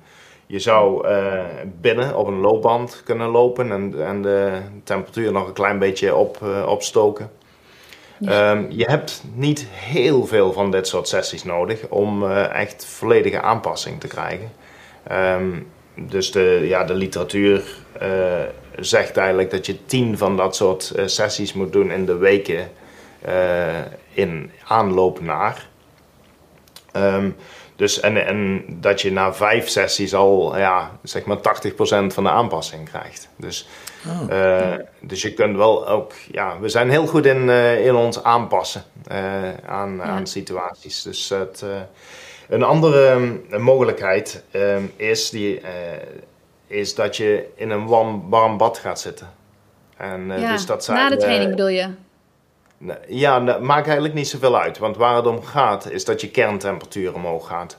Ja, En als je je kerntemperatuur omhoog krijgt door uh, ja, of, of hard te lopen, hè, of uh, een andere inspanning in, in warme omstandigheden, of je gaat in een sauna of in een bad zitten. Mm. Dat zijn allemaal manieren om die kerntemperatuur omhoog te krijgen. Nou, het probleem met de sauna is dat je daar ja, gewoon niet makkelijk eventjes een uur in kunt zitten. Dat is, uh, en dan, dat, ja, dat is zo stressvol voor je, voor je lichaam dat ja, misschien ook niet aan te raden is. Maar een warm bad dat is, ja, dat is veel beter te doen, zeg maar, voor de meeste Ja. mensen. Heb, je, heb jij dit soort dingen gedaan, Suus, voor, Ja. eh, voor Berlijn? Ja, nee, nee, niet voor Berlijn, voor Tokio. Want voor Berlijn was eigenlijk... Ja, sowieso kwam ik terug van de blessure. En, en Aske zei net al even, lopers zijn ontzettend veel bezig met hun training en de training die ze moeten doen. Eh, en op een gegeven moment was ik vooral tijd aan het steken in weer gezond worden om daar überhaupt te staan. Dus toen heb ik geen warmtevoorbereiding gedaan. Ook niet echt het idee gehad van in Berlijn gaat het super heet worden. Maar voor Tokio was er natuurlijk wel eh, constant alle alarmbellen van, nou ja, het wordt daar straks super heet. Dus je moet aan die warmte gewend zijn. Ehm, en toen heb ik wel inderdaad ook trainingen gedaan dat ik dan na de training meteen in de sauna ging zitten. En dat was dan niet een hele intensieve training, maar omdat je koortemperatuur dan inderdaad al wat, wat hoger is, is het toch heel oncomfortabel om zelfs maar 15 minuten in die sauna te zitten. Ehm, maar ook vaak in een bad, omdat het inderdaad ook veel praktischer is. Want ik had gewoon een bad in het appartement en ik trainde in St. Moritz. En Asker zei net al even van trainen in de omstandigheden waarin je de wedstrijd loopt. Dat is natuurlijk, dat, daardoor wen je er het beste aan. Maar ik wilde ook op hoogte trainen. En op hoogte is het gewoon nou eenmaal koeler.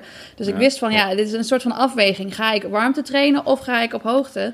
En dan, dan, dan, ga ik dus op hoogte en dan ook in het bad na de training. Dus ik denk dat ik op zich super goed was voorbereid op de warmte. Dat ik echt, ik, ik voelde me echt daar klaar voor ook. Omdat ik wel ook zag dat ik steeds langer in dat bad kon blijven zitten en het steeds comfortabeler werd. Maar ja, mijn Achillespees hield er gewoon mee op tijdens de wedstrijd. Dus we hebben het nooit kunnen zien. Dus het is, ja, dat is dan weer jammer. Ik, ik weet dat ik er klaar voor was, maar ik heb dat niet kunnen laten zien uiteindelijk. Maar wat ik wel interessant vind, is dat je, je hebt het nu over warmte en dat je je lichaam, zeg maar, dat je dat daaraan kunt laten wennen. Maar um, tijdens zo'n race, als bijvoorbeeld Rotterdam straks, uh, dan snap ik dat je met, met drinken en hydratatie, dat dat dan een uitdaging is. Maar heeft warmte ook nog effect op uh, zeg maar de opname van de koolhydraten? Is, gebeurt daar dan ook iets mee? Of is dat precies hetzelfde als het koud of warm is? Ja, er gebeuren eigenlijk twee dingen. Um, eentje is als het warmer is, ben je meer afhankelijk van koolhydraten. Dus het wordt nog belangrijker. Mm -hmm. dus, uh, en de tweede wat er gebeurt, is dat je krijgt natuurlijk een verdeling van je, van je bloedvolume. En je, je bloed gaat uh, altijd ja, behoorlijk deel gaat naar de spieren, maar nu gaat er ook meer bloed naar de huid om uh, ja, af te koelen. Af te koelen. Dat ja. betekent dat er minder bloed beschikbaar is voor het maag-darmstelsel en dat daardoor de opname van uh, koolhydraten en, en ook van, van vocht moeilijker wordt. Dus we zitten aan de ene kant met ja, een vergrote behoefte, aan de andere kant is het gewoon moeilijker om het toe te voegen. En ja, ook, ook daar de enige manier om daar echt iets aan te doen, is om dat soort dingen te trainen. Dus ook zoveel mogelijk in uh, warme omstandigheden met, uh, met voeding uh, trainen. Dat is ja. eigenlijk de enige manier om dat echt goed te doen. Het andere wat, je, wat ja, extra belangrijk wordt, is dat je een goede sportdrank hebt of een goede, een goede gel die, waarvan ja, die echt optimaal wordt opgenomen. Ja, meerdere dus, soorten koolhydraten bedoel je dan? Of? Ja, met meerdere soorten, soorten koolhydraten met, uh, die, die ook uh, weinig maag-darmproblemen verder veroorzaakt. Dus een, uh, een pH die, die neutraal is in het ideale geval. Nou, dat zal niet mogelijk zijn met, met de meeste gels, maar mm -hmm. met, met, met dranken gaat dat, gaat dat wel. Ja. Uh, de, de koolhydraatverhoudingen zijn, uh, zijn heel belangrijk. Uh, dus 2 uh, tot 1 wordt meestal als je 90 gram per uur nastreeft, dan is 2 tot 1 waarschijnlijk de, de betere verhouding. Um, als ja. je 60 gram per uur doet, hm. ja, dan, dan kun je misschien wegkomen met, met bijna elke drank. Ja. Dus, maar dan heb je het over fructose, fructose en glucose?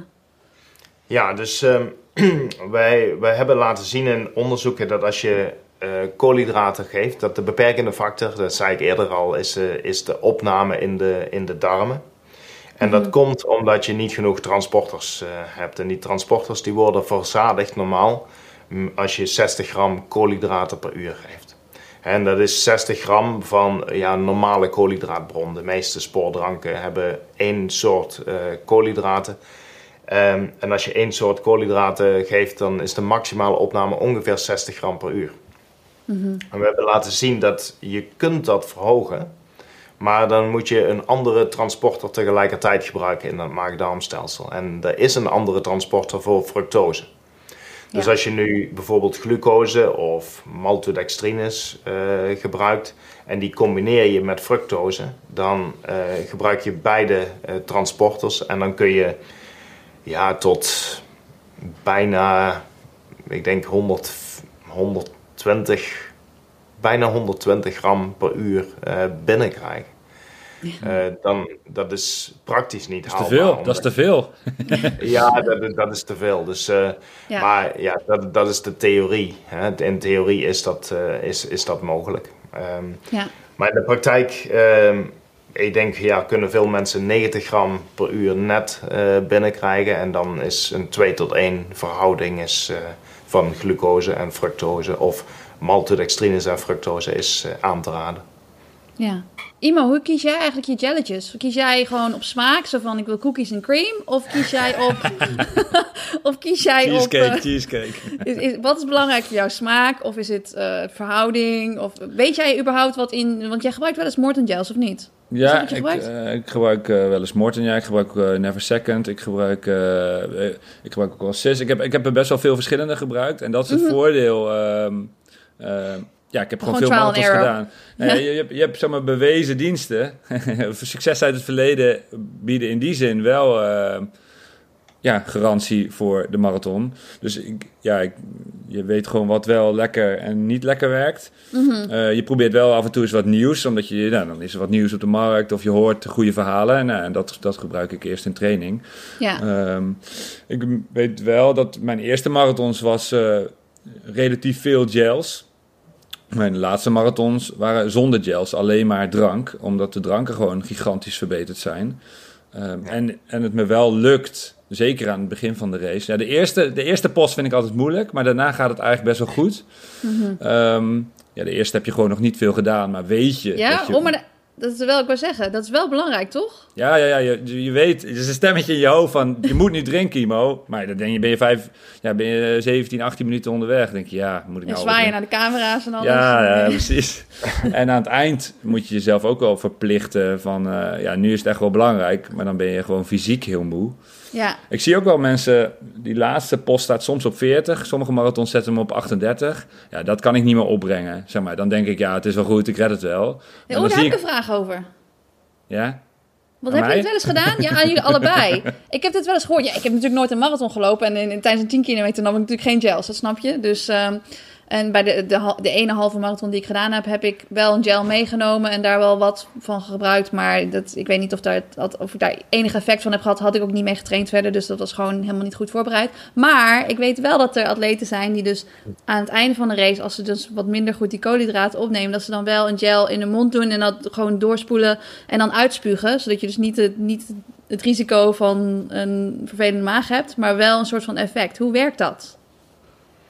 En heb jij dat wel eens gedaan? Uh, oh, ik, geef deze, ik geef deze vraag even door aan Asker als je het niet erg vindt. nou ja, dit, uh, dit, dit werkt. Dat, um, uh, dus ja, koolhydraten hebben eigenlijk twee effecten. We hebben eigenlijk tot nu toe alleen maar gehad over het effect als koolhydraat als echt als brandstof. Mm -hmm. en, maar koolhydraten hebben nog een ander effect. En dat is een, een direct effect op de, op de hersenen. En nou, dit gaat uh, echt terug naar studies die ik uh, gedaan heb toen ik nog in Maastricht zat. Dus uh, de eerste studie was in 1997.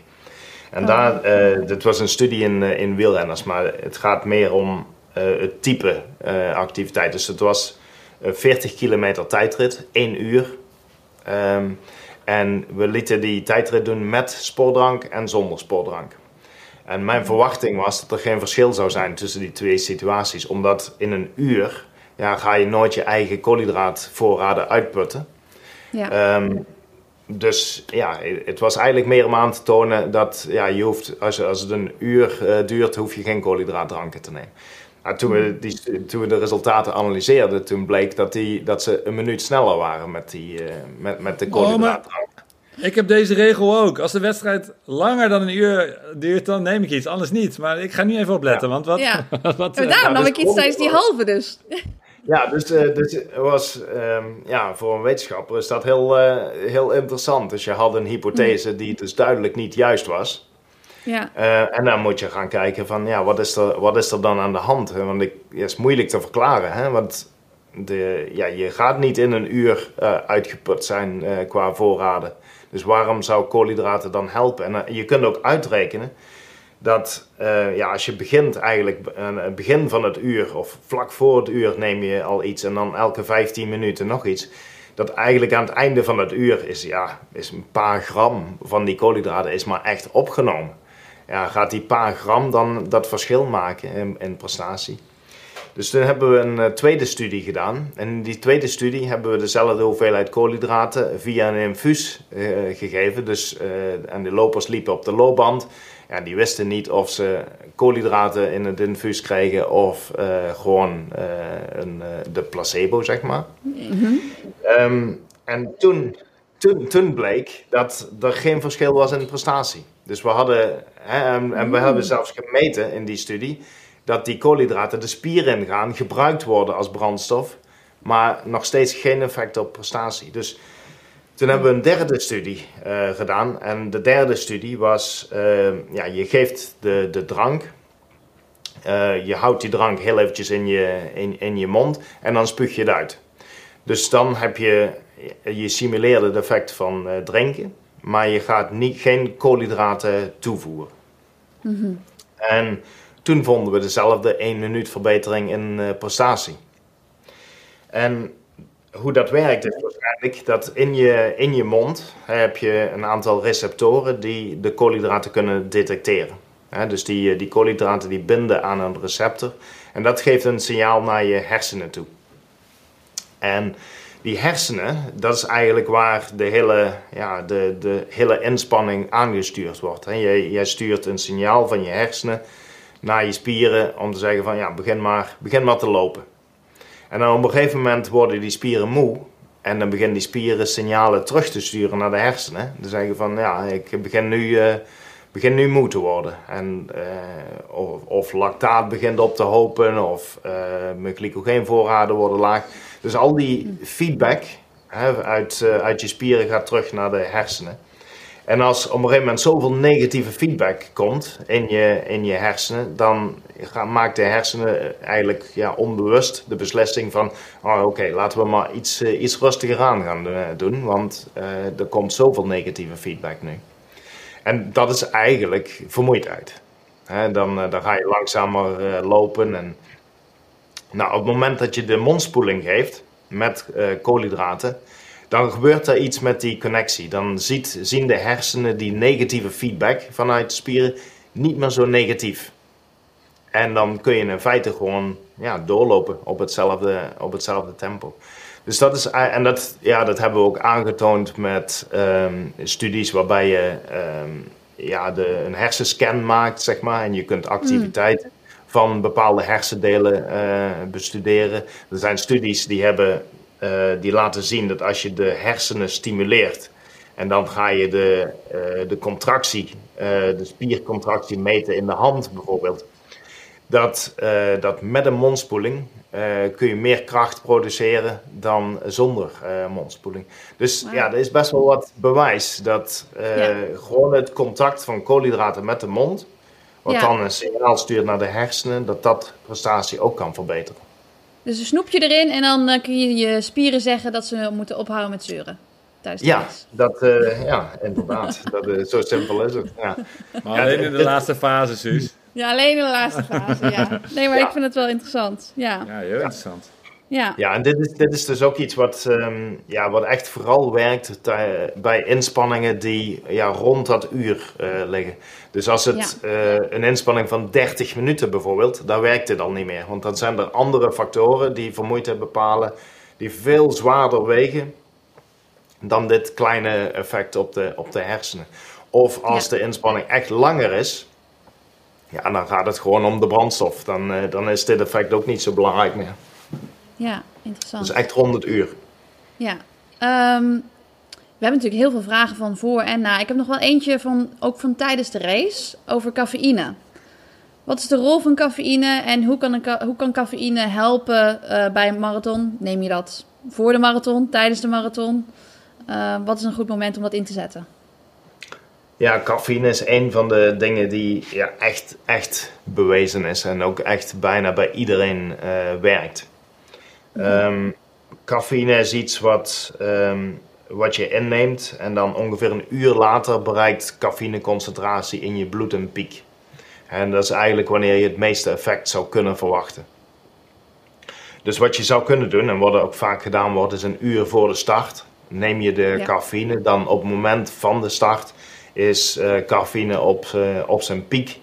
En dan heb je er eigenlijk gewoon ja, de, de paar uur, drie, vier uur daarna heb je daar echt pro profijt van. Oh, um, dus het is niet te vroeg? Het, het, nee, dus um, het, het, effect van cafeïne blijft heel lang bestaan. Dus de halfwaardetijd van cafeïne verschilt wel heel erg van persoon tot persoon, maar is ongeveer 4 tot 5 uur. Ja, dat weet ik. Ik kon na races nooit slapen, dus...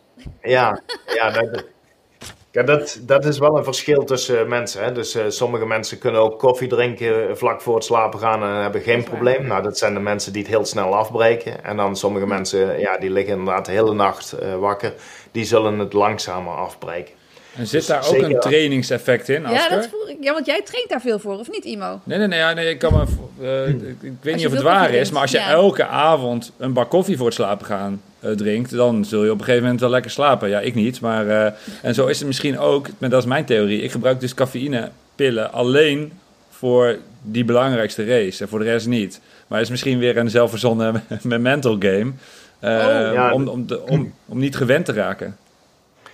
Ja, ik denk, um, nou, die gewenning uh, treedt zeker op tot, tot bepaalde hoogte. Um, maar die gewenning die lijkt vooral op de bijwerkingen te, te werken.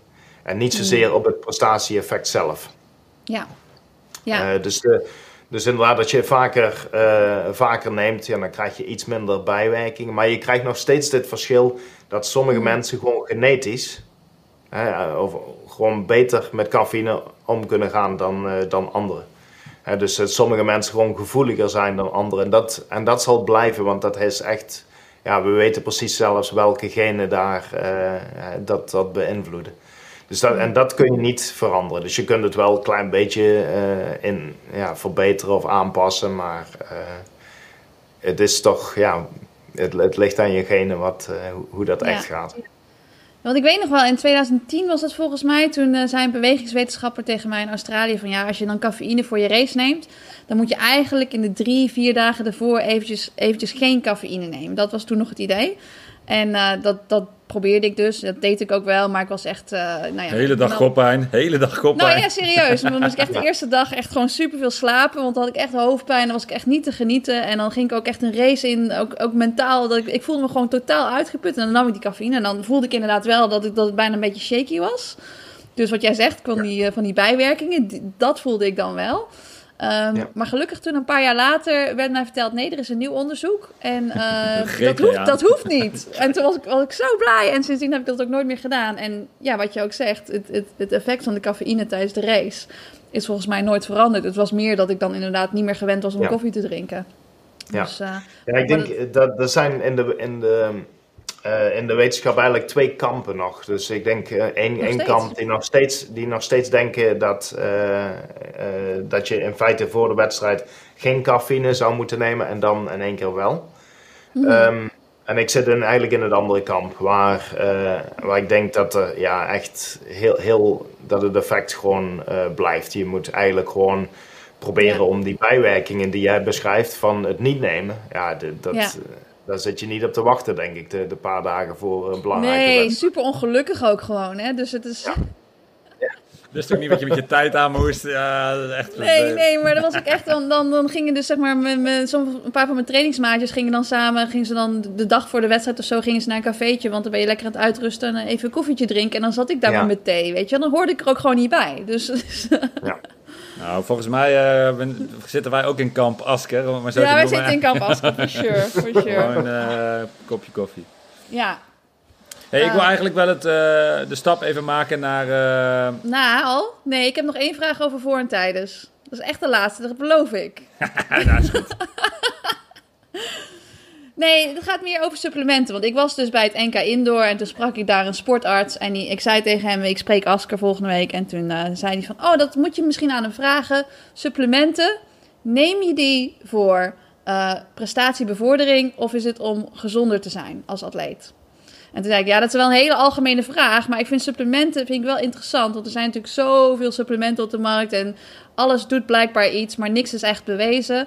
Wat vind jij over het algemeen van supplementen? En welke supplementen, nou ja, zeggen van dat is duidelijk bewezen dat je daar iets, dat je daar beter van gaat lopen, beter van gaat presteren. En van welke supplementen is er zoveel onzin dat je denkt van ik snap niet waarom mensen het daar nog steeds over hebben?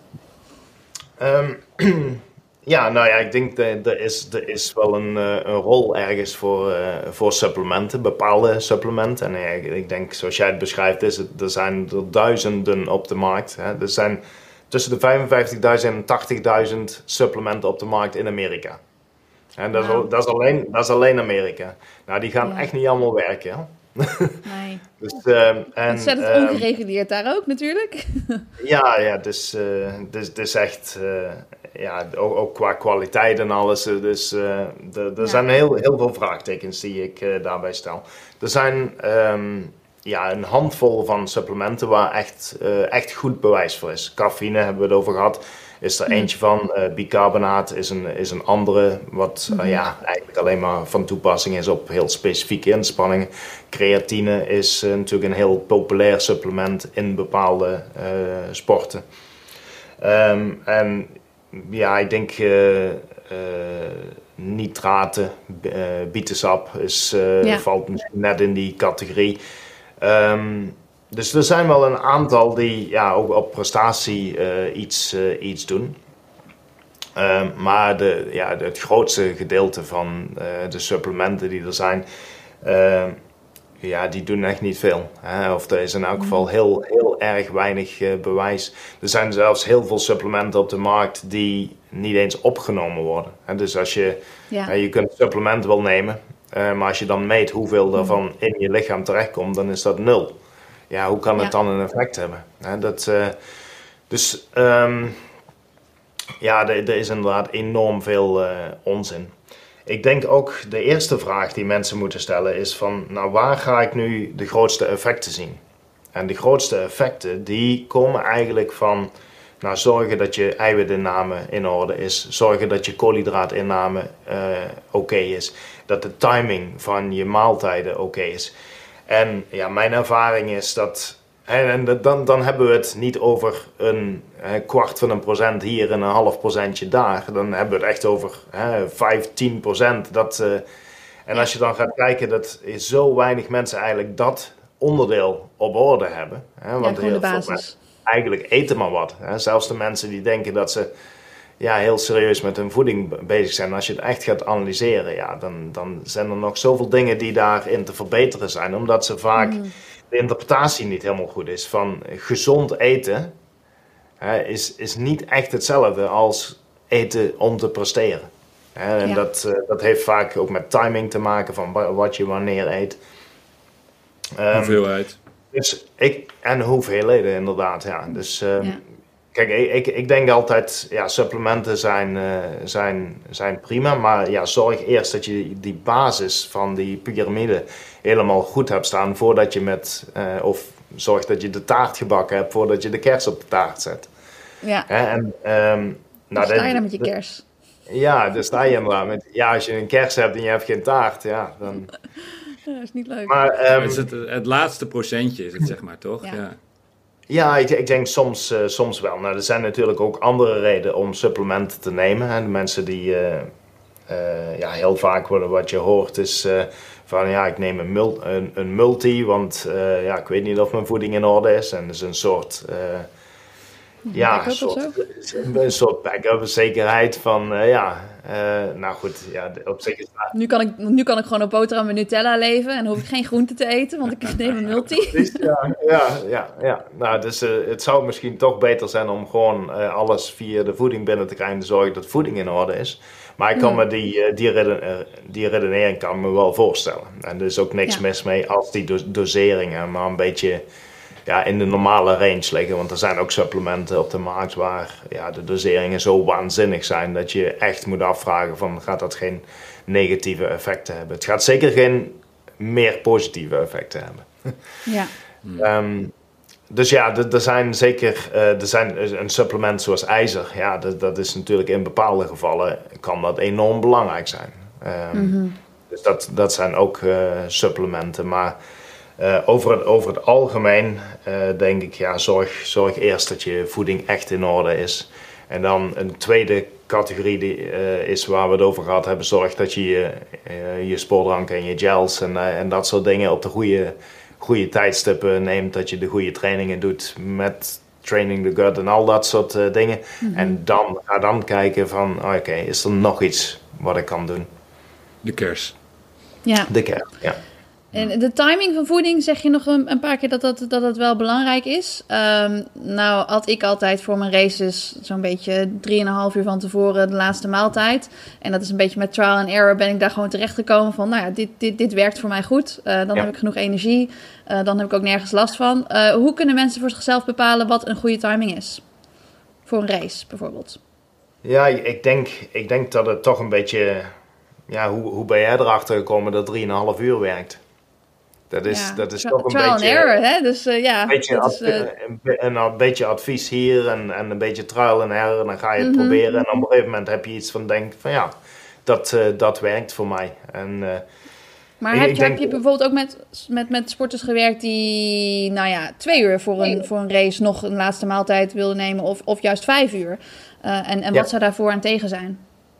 Zeker, nou, die, die twee uur zie je bijvoorbeeld in hele triathlons zie je dat vaak. Hè? Want daar, daar Mm. moet je, hè, als de, als je start opstaan. zo enorm vroeg is, dan, ja, dan zou je dus om drie uur moeten gaan opstaan.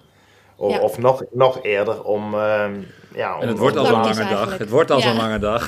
Da- daarom. En dan moet je echt afvragen van, ja, is dat dan, is dat Wil dan wel... slapen of moet- eten? Ja. En Ja. dus dan heel vaak is de beslissing, nou ja, een uurtje langer slapen is, is dan waarschijnlijk beter. En dan eet ik maar anderhalf uur van tevoren of twee uur van tevoren. Maar eet je dan Ehm, minder? Omdat je dan, dat is, je kunt dan toch niet ja, hetzelfde dat eten? zou ik Ja. wel aan, ja, ik zou dat aanraden. Dus de ja, hele, hele grove regel is eigenlijk als je vier uur van tevoren eh, gaat eten, dan, eh, dan neem je 4 gram koolhydraten per kilogram lichaamsgewicht. Van tevoren, dus echt wel een hele een enorme hoeveelheid. Als het eh, drie uur van tevoren is, drie. Twee uur van tevoren, Ja. twee. Ja, en dan één uur van Oh, tevoren, dat zou ik eigenlijk Ja. niet meer zo aanraden.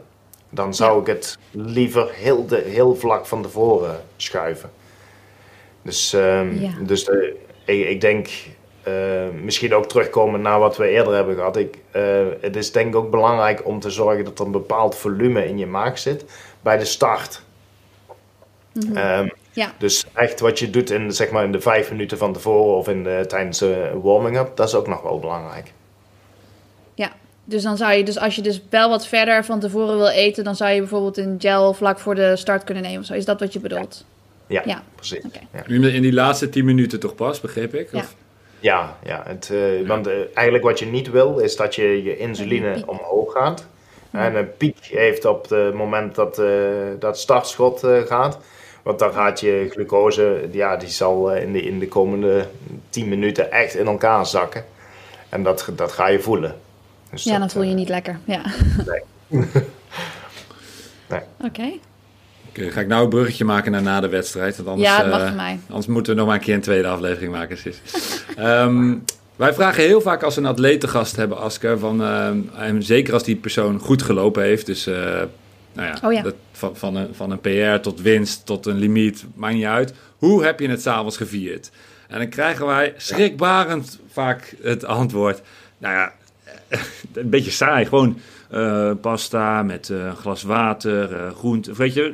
Terwijl? Dat als vinden we ik altijd ook- jammer, vinden wij dat. ja, als ik Ja. een marathon heb gelopen en het is een PR jammer. of het is, dan eh, ga Ja. ik burgers eten, drink ik wijn, nodig ik vrienden uit, heb ik al een zak M&M's op. En eh, ja, is natuurlijk niet de beste hers- herstelmaaltijd. Maar goed, na een marathon mag het gast er ook even af. Ehm, wat is jouw, zo, hoe nadelig is mijn overwinningsmaaltijd ten opzichte van het verstandige, wat ik zelf wat saaiere eh, maaltijd, ja, met voldoende, de goede verhouding eiwitten, koolhydraten? Ja, Dat is ik, nog ik, wel een vraag, eh, ik- Ja, maar wat is het beste, hè? Ja.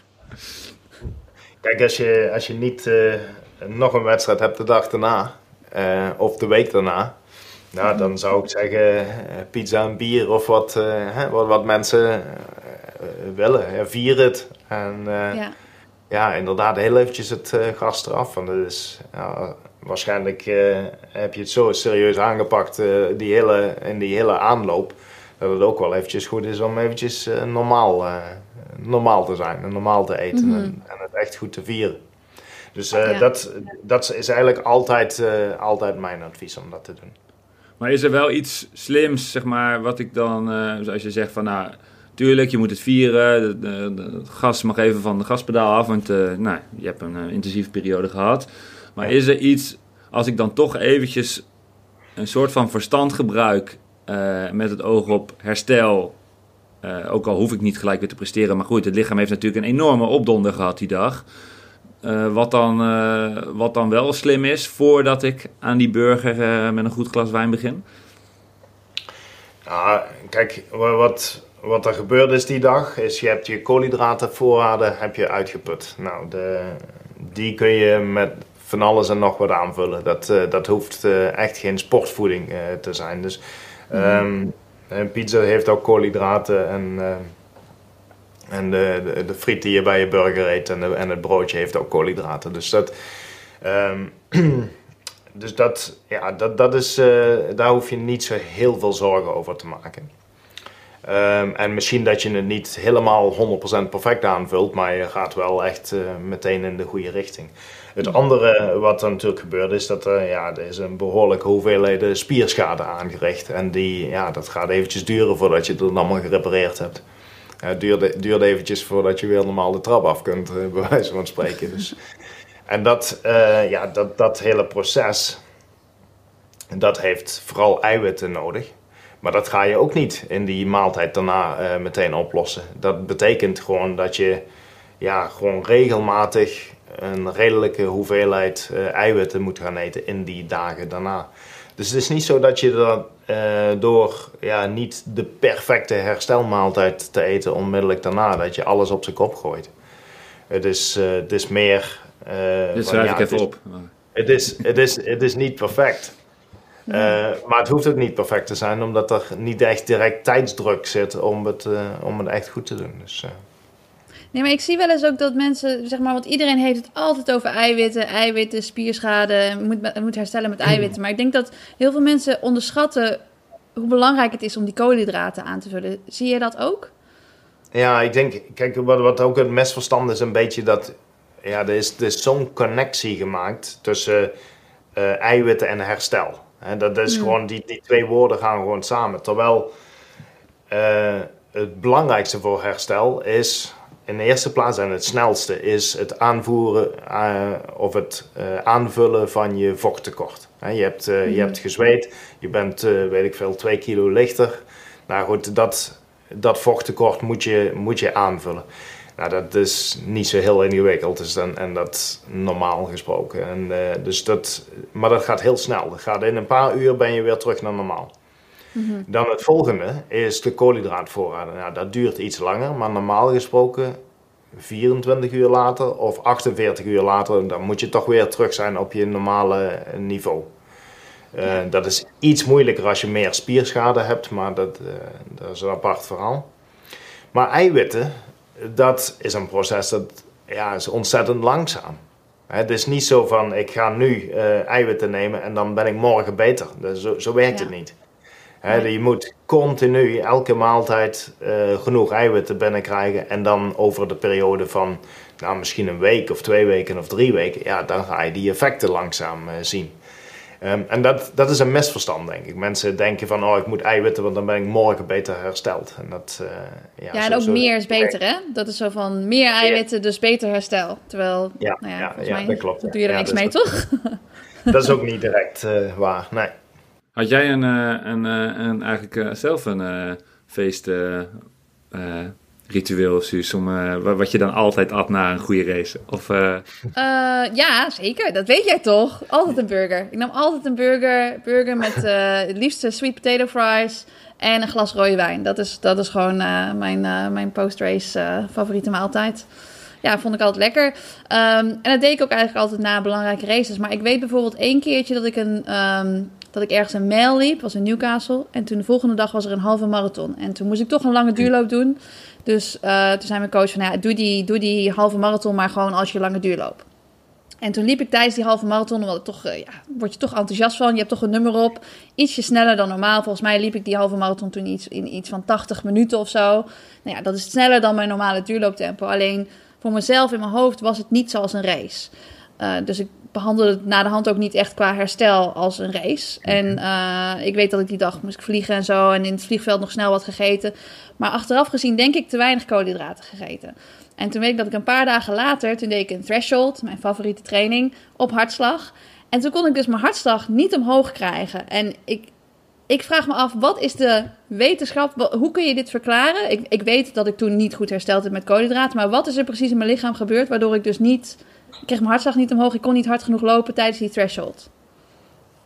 Ja, ik denk het enige wat je daarvan kunt zeggen, dat er ergens uh, iets van vermoeidheid uh, nog, uh, nog zit. Dus, en dat, dat heeft heel vaak, heel vaak te maken met ja, gewoon met, het herstel met, niet genoeg gedaan hebben. Niet, niet 100% hersteld. Ja, oké. Okay. Nee, ik dacht misschien zit er, is er iets heel spannends wat daar dan gebeurd is. Dat is daarna is dat nooit meer gebeurd, omdat altijd als ik gewoon, nou ja, een... een zwaardere inspanning, als ik dat ook, als ik weet van dit is een zwaardere training of een langere training geweest, dan, dan let ik daar juist heel erg op.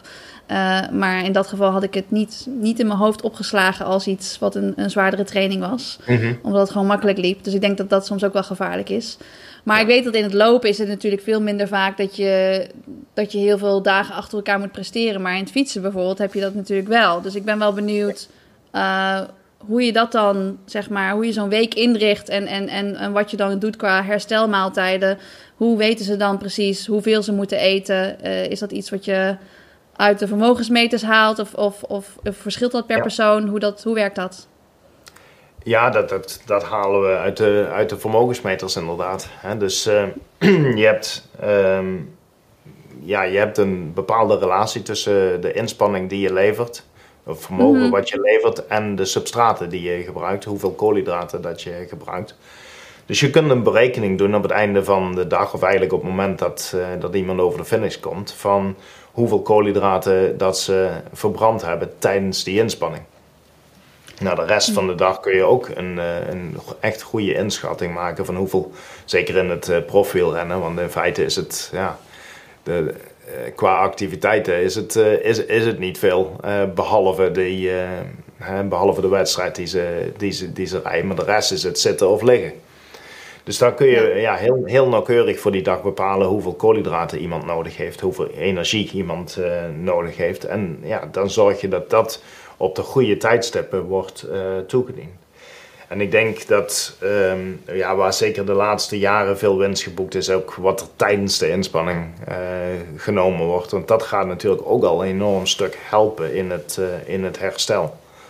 He, dus uh, in, het verleden was hetzelfde als in het lopen was, waren de innames rond de 30 gram per uur in het, in het wielrennen. Ja, nu ligt dat de, ergens tussen de 90 en de 120 gram per uur vaak. En dat, dat, mm. ja, dat heeft echt wel effect ook de dag daarna nog. Is dat ook bij een lange duurloop die een marathoner doet? Bijvoorbeeld, Imo heeft gisteren dus... hoeveel kilometer liep je nou? 32? Ja, 32. Zonder jelletje of iets. zou die beter herstellen als hij onderweg iets gegeten had? Ja, dan denk ik dat je, uh, dat je vandaag beter, uh, beter voelt. Ja, dat, uh, en je had nog steeds hetzelfde trainingseffect ook? Ja. Ja wat Toch ik... wil je die jelletjes inslaan, hè? Ja, ja, ja. Nee, wat, wat ik, jouw Newcastle voorbeeld. Ja. Um, en zo kijk ik ook naar mezelf. Zeg maar, als ik een hele zware tempo training heb, of zo, waar ik al een beetje mm. tegenop zie. Of ik heb zo'n hele lange duurloop. Ja, dan ben je er wel mee bezig. Weet je. Dan kom ik Mm. terug, dan, heb ik, uh, dan ga ik gelijk eten, drink ik voldoende, uh, slaap ik meer. Dan ben je er heel erg mee bezig. Maar juist, zeg maar, de, de simpele training die je even tussendoor doet bij een drukke dag. Of uh, je hebt eigenlijk gewoon slecht geslapen. Ja, daar ligt in ieder geval voor mij eigenlijk veel gevaar. meer winst. Ja. Dan, ja. uh, want dan is het een soort bijproduct van de dag. Terwijl ja, je, doet wel, uh, je doet wel weer wat, zeg maar. Mm. Ja. Uh, nog, een klein, nog een vraag over uh, dierlijke of plantaardige Oeh, ja, producten. Ja, ja, ja. Oh, is die vraag er ook? Ja, dat weet ik niet. Ik heb die vraag helemaal heel niet gelezen. Veel, heel Dat is echt wel... Uh, ik ik kaap alle vragen weg hier. Nee, nee, doe maar, want het is een goede vraag. Gewoon, nee, ja, de, ik, de weet, ik vind het gewoon, ja. ik vind het interessant. Ik, ik ben zelf nooit vegetarisch of zo geweest. Ik, ik, ik hou gewoon van vlees en zo. Dus het, en ik vond het ook altijd oké okay voor mijn herstel. Maar zie jij een groot verschil tussen mensen die vegetarisch of vegan zijn... qua herstel na races en wat ze nemen? Ja, er zit wel, er zit wel verschil in. Dus ik denk, kijk, de, het probleem is een klein beetje dat veel mensen vegetarisch eten zien als geen vlees eten. En daar, daar zit een beetje het, uh, het gevaar in. Dus wat, wat ik veel uh, zie, uh, is, is gewoon meer problemen met, met ijzer in, in die mensen die, die vegetarisch zijn. Mm -hmm. Maar uh, en, en, ijzer is één van, de, één van de problemen. Herstel in het algemeen is iets, uh, iets minder. Dat heeft waarschijnlijk gewoon te maken met een iets lagere eiwitinname of iets lagere kwaliteit van eiwitinname. Maar dat gezegd hebben, en volgens mij uh, ja, hoeft dat helemaal niet te gebeuren. Het is gewoon omdat mensen het vaak zien als: oh, ik eet gewoon geen vlees. Maar je moet, je moet dan dus echt wel opletten dat je je eiwitten ergens anders vandaan krijgt. En niet alleen dezelfde hoeveelheid eiwitten. Je moet waarschijnlijk een behoorlijk stuk meer eiwitten nemen dan iemand die wel uh, vlees eet. Om hetzelfde effect uh, hmm. te krijgen. Um, en dat is allemaal te doen. Dus uh, het, ja, het vergt alleen een klein beetje meer planning, denk ik. En een beetje meer kennis van, van voeding. Hmm. en als je dat allemaal goed doet, ja, dan, dan kan het allemaal prima. Want werk jij met uh, topsporters die, uh, die vegetarisch eten, Asker? Ja, of zelfs veganistisch. Ja, zeker. Dus het, het, is, het is zeker mogelijk om, eh, om op het allerhoogste niveau te, te presteren. Uh, daar ben ik van overtuigd. Maar het is wel minder makkelijk. En de aminozuren die uh, in, in zeg maar dierlijke producten zitten, is, is dat nog een uitdaging om dat uit plantaardige producten, om met ja, een plantaardig dieet... Dat is dat, ja, dat is, dat is de reden dat je meer moet eten om hetzelfde effect te krijgen. Dus uh, ja. over, over, het algemeen zijn uh, dierlijke uh, eiwitten iets hogere kwaliteit dan plantaardige eiwitten. Wat dat betekent is dat er meer ja, verschillende aminozuren in zitten. Dus als je mm -hmm. maar één eiwitbron zou kunnen kiezen, ja, dan zou het beter zijn om een dierlijke eiwitbron te kiezen dan een plantaardige. Dan heb ja. je waarschijnlijk ja, tekorten in bepaalde aminozuren. Mm Maar door het combineren van uh, bepaalde planbaardige bronnen uh, van eiwitten, ja, dan kun je toch alles uh, binnenkrijgen. Ja.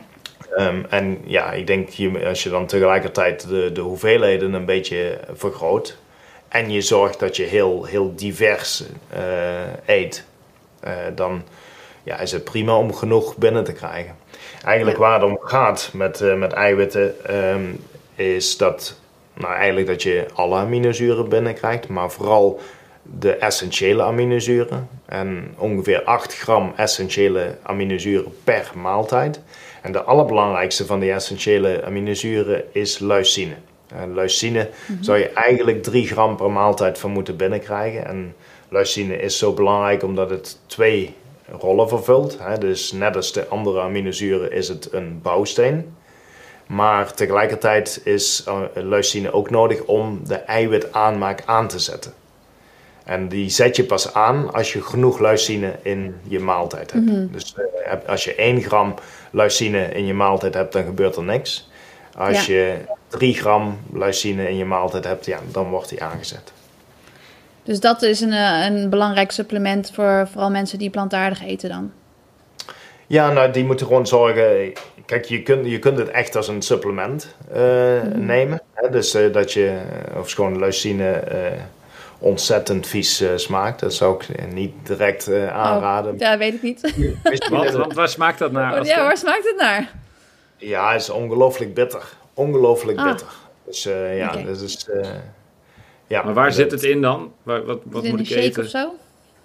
Nou, in, uh, kijk, in, in de meeste uh, dierlijke eiwitten zit het in ja, behoorlijke hoeveelheden. Hè? Dus uh, neem kip bijvoorbeeld, dan daar, daar zit een behoorlijke hoeveelheid leucine in.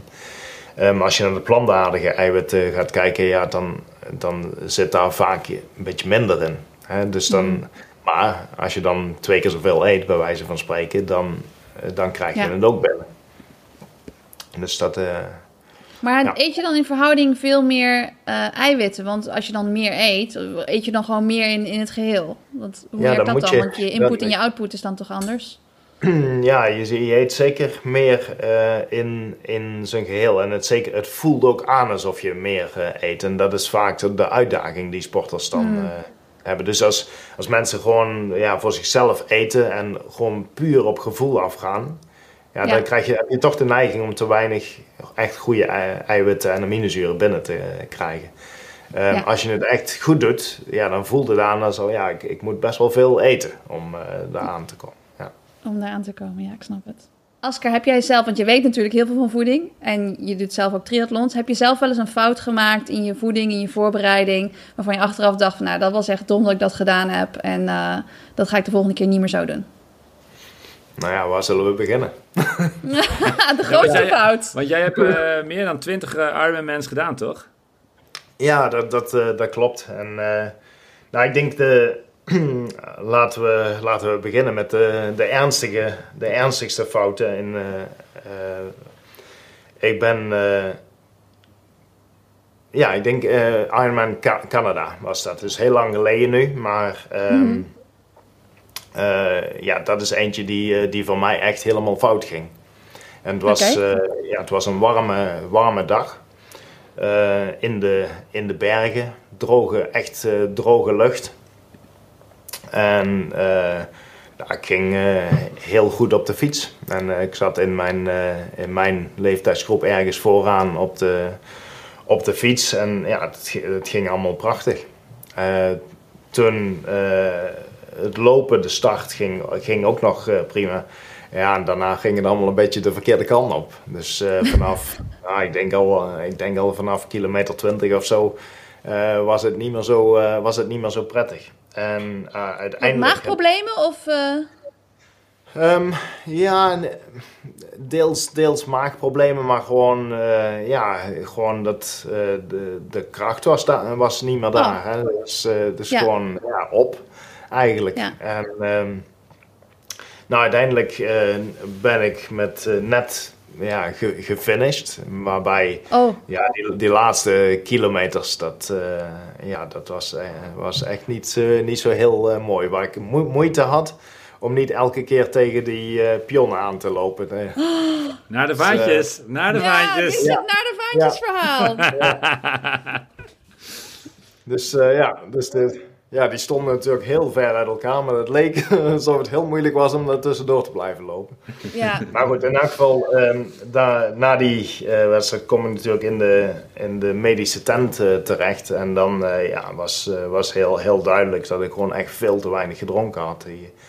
Terwijl voor mijn gevoel uh, ja, was ik best wel veel aan het uh, drinken. En ook voor, ja, um, uh, als, je, als je keek naar de, ja, vaak kijk je naar je, naar je huid, hoeveel je zweet. Nou ja, dat was ook, die huid, huid was droog. Maar ja, heel, heel veel ja. kwam daar natuurlijk van, omdat het buiten heel erg droog was. En dan zie je niet dat je veel zweet.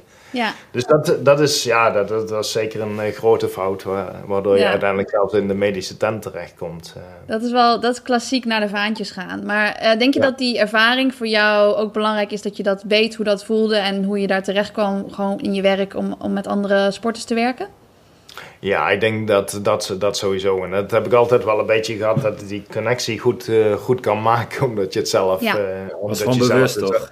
Dezelfde fouten hebt gemaakt. En uh, ja, je weet, je weet hoe dat uh, voelt. En uh, dus ja, zeker. zeker ja. Ja, mooi. Dus ook, ik had altijd in Maastricht ook altijd een regel. Als wij, als we onderzoeken deden, nou, dan moest je dat eerst zelf allemaal geprobeerd, geprobeerd hebben. Dus ook, ook, ja, dat is een regel die heb ik later ook in Birmingham ingevoerd voor al mijn studenten. Dus als je, als je een onderzoek, een bepaald onderzoek deed met mensen, nou, dan moest je het in elk geval zelf eerst ook doen. Wauw, dat heb je gedaan bij al je onderzoeken ook? Ja. Dat is een trainingsprogramma op zich dan, of ja, niet? Ja, wou zeggen. Ja, ja, ja, ja zeker, zeker, ja. ja. Mooi. Ja. Nou, Aske, ik wil je, ik wil je bedanken voor, uh, voor al je tijd, voor je mooie verhalen. En, ja, een, soort, uh, een soort masterclass voeding is het geworden. Ja, interessant. ja, mooi. Ja, Dank je. Wat, uh, je bent nu in Engeland, wat wordt je volgende Waar, waar, wat wordt je volgende activiteit, zeg maar? Ga je, heb je een, een toernooi, een, een, wedstrijd of een mooi onderzoek waar je nu uh, vol op gaat storten? Ik ben minder met onderzoek bezig. Ik ben nog wel betrokken bij een paar onderzoeken waar we nu met, uh, met de glucosesensoren, dus like Super Sapiens sensoren, daar zijn we nu bezig om, uh, om ja, te kijken van wat, wat kun je daar wel en wat kun je daar niet, niet uithalen. Dus daar, hmm. daar is best wel wat onderzoek gaande. Um, uh, en ook, ja, ik, ik, zie daar wel ook al toekomst in. Ja, dat, dat is het eigenlijk qua, qua, qua onderzoek. Dus uh, we zijn ja. ook beetje... Daar kun je een aflevering op zich over maken. Ja, dat is interessant. Dat, dat, zeker, dat is zeker, ja. ja. ja. heel leuk. En dan zelf qua eigen activiteiten en zo. Ik denk, ja, ik richt me op dit moment eventjes vooral op de, op de fiets. En met, ja, ik, een, een, van mijn doelen is altijd om uh, ja, om eigenlijk alle calls in, uh, in Europa eh, een keertje te, te fietsen. Dus ik probeer elk jaar eh, een behoorlijk aantal eh, daarvan eh, weg te strepen. Dus eh, beginnen bij de mooiste en de hoogste en, en de zwaarste. En, dus eh, dat- is ook dit jaar weer eh, een beetje een doel. Ja, mooi. Mooi. Trainen dus. En zo zijn we aan het eind gekomen van de derde aflevering van Naar de Vaantjes. Heb je vragen voor ons of ideeën voor een gast die je graag eens in onze podcast zou willen horen? Stuur een berichtje via ons Instagram, Naar de Podcast. Heel veel dank Oscar voor eh, de masterclass voeding. En dank jullie luisteraars voor het luisteren. Ook namens Suzanne. Blijf luisteren en lopen.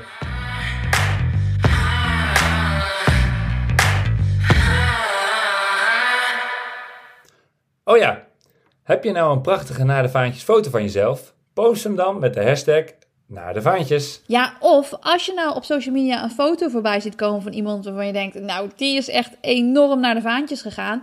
Zet de hashtag er dan onder. Of je mag ons ook altijd taggen, naar de vaantjes underscore podcast. Dan kunnen we allemaal lekker meegenieten.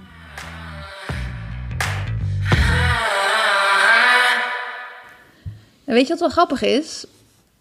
Nou, We hebben dus echt wel heel veel dingen net besproken. Echt super interessant. En ik heb heel veel vragen gesteld. Maar volgens mij hebben we echt geen enkele vraag gesteld van een van onze luisteraars. jawel, we hebben heel veel vragen gesteld. Alleen we hebben de namen weer eens niet genoemd. Nee, dat klopt. En we hebben wel die onderwerpen allemaal van hydratatie en koolhydraatinname en trainen van de vetverbranding, dierlijk en plantaardig.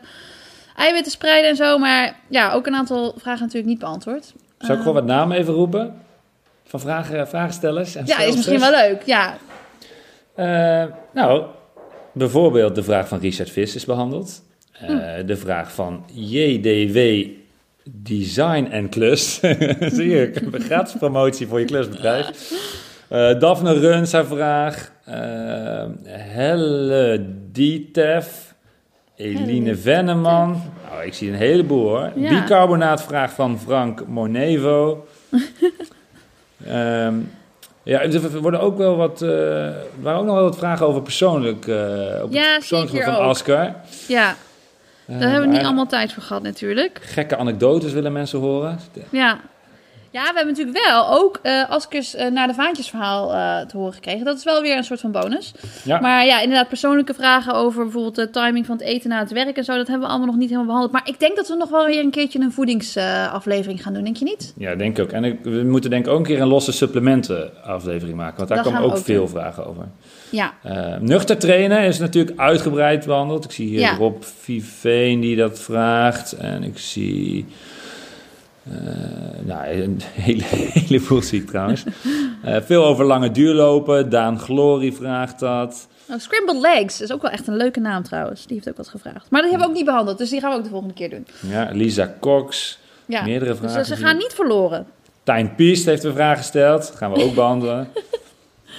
Ja, Oh, eh M. Oh, en- Farsize had ook een vraag over nuchter trainen. Ja? Eh, wel nog een vraag over welke van Choco eh, Loves Running.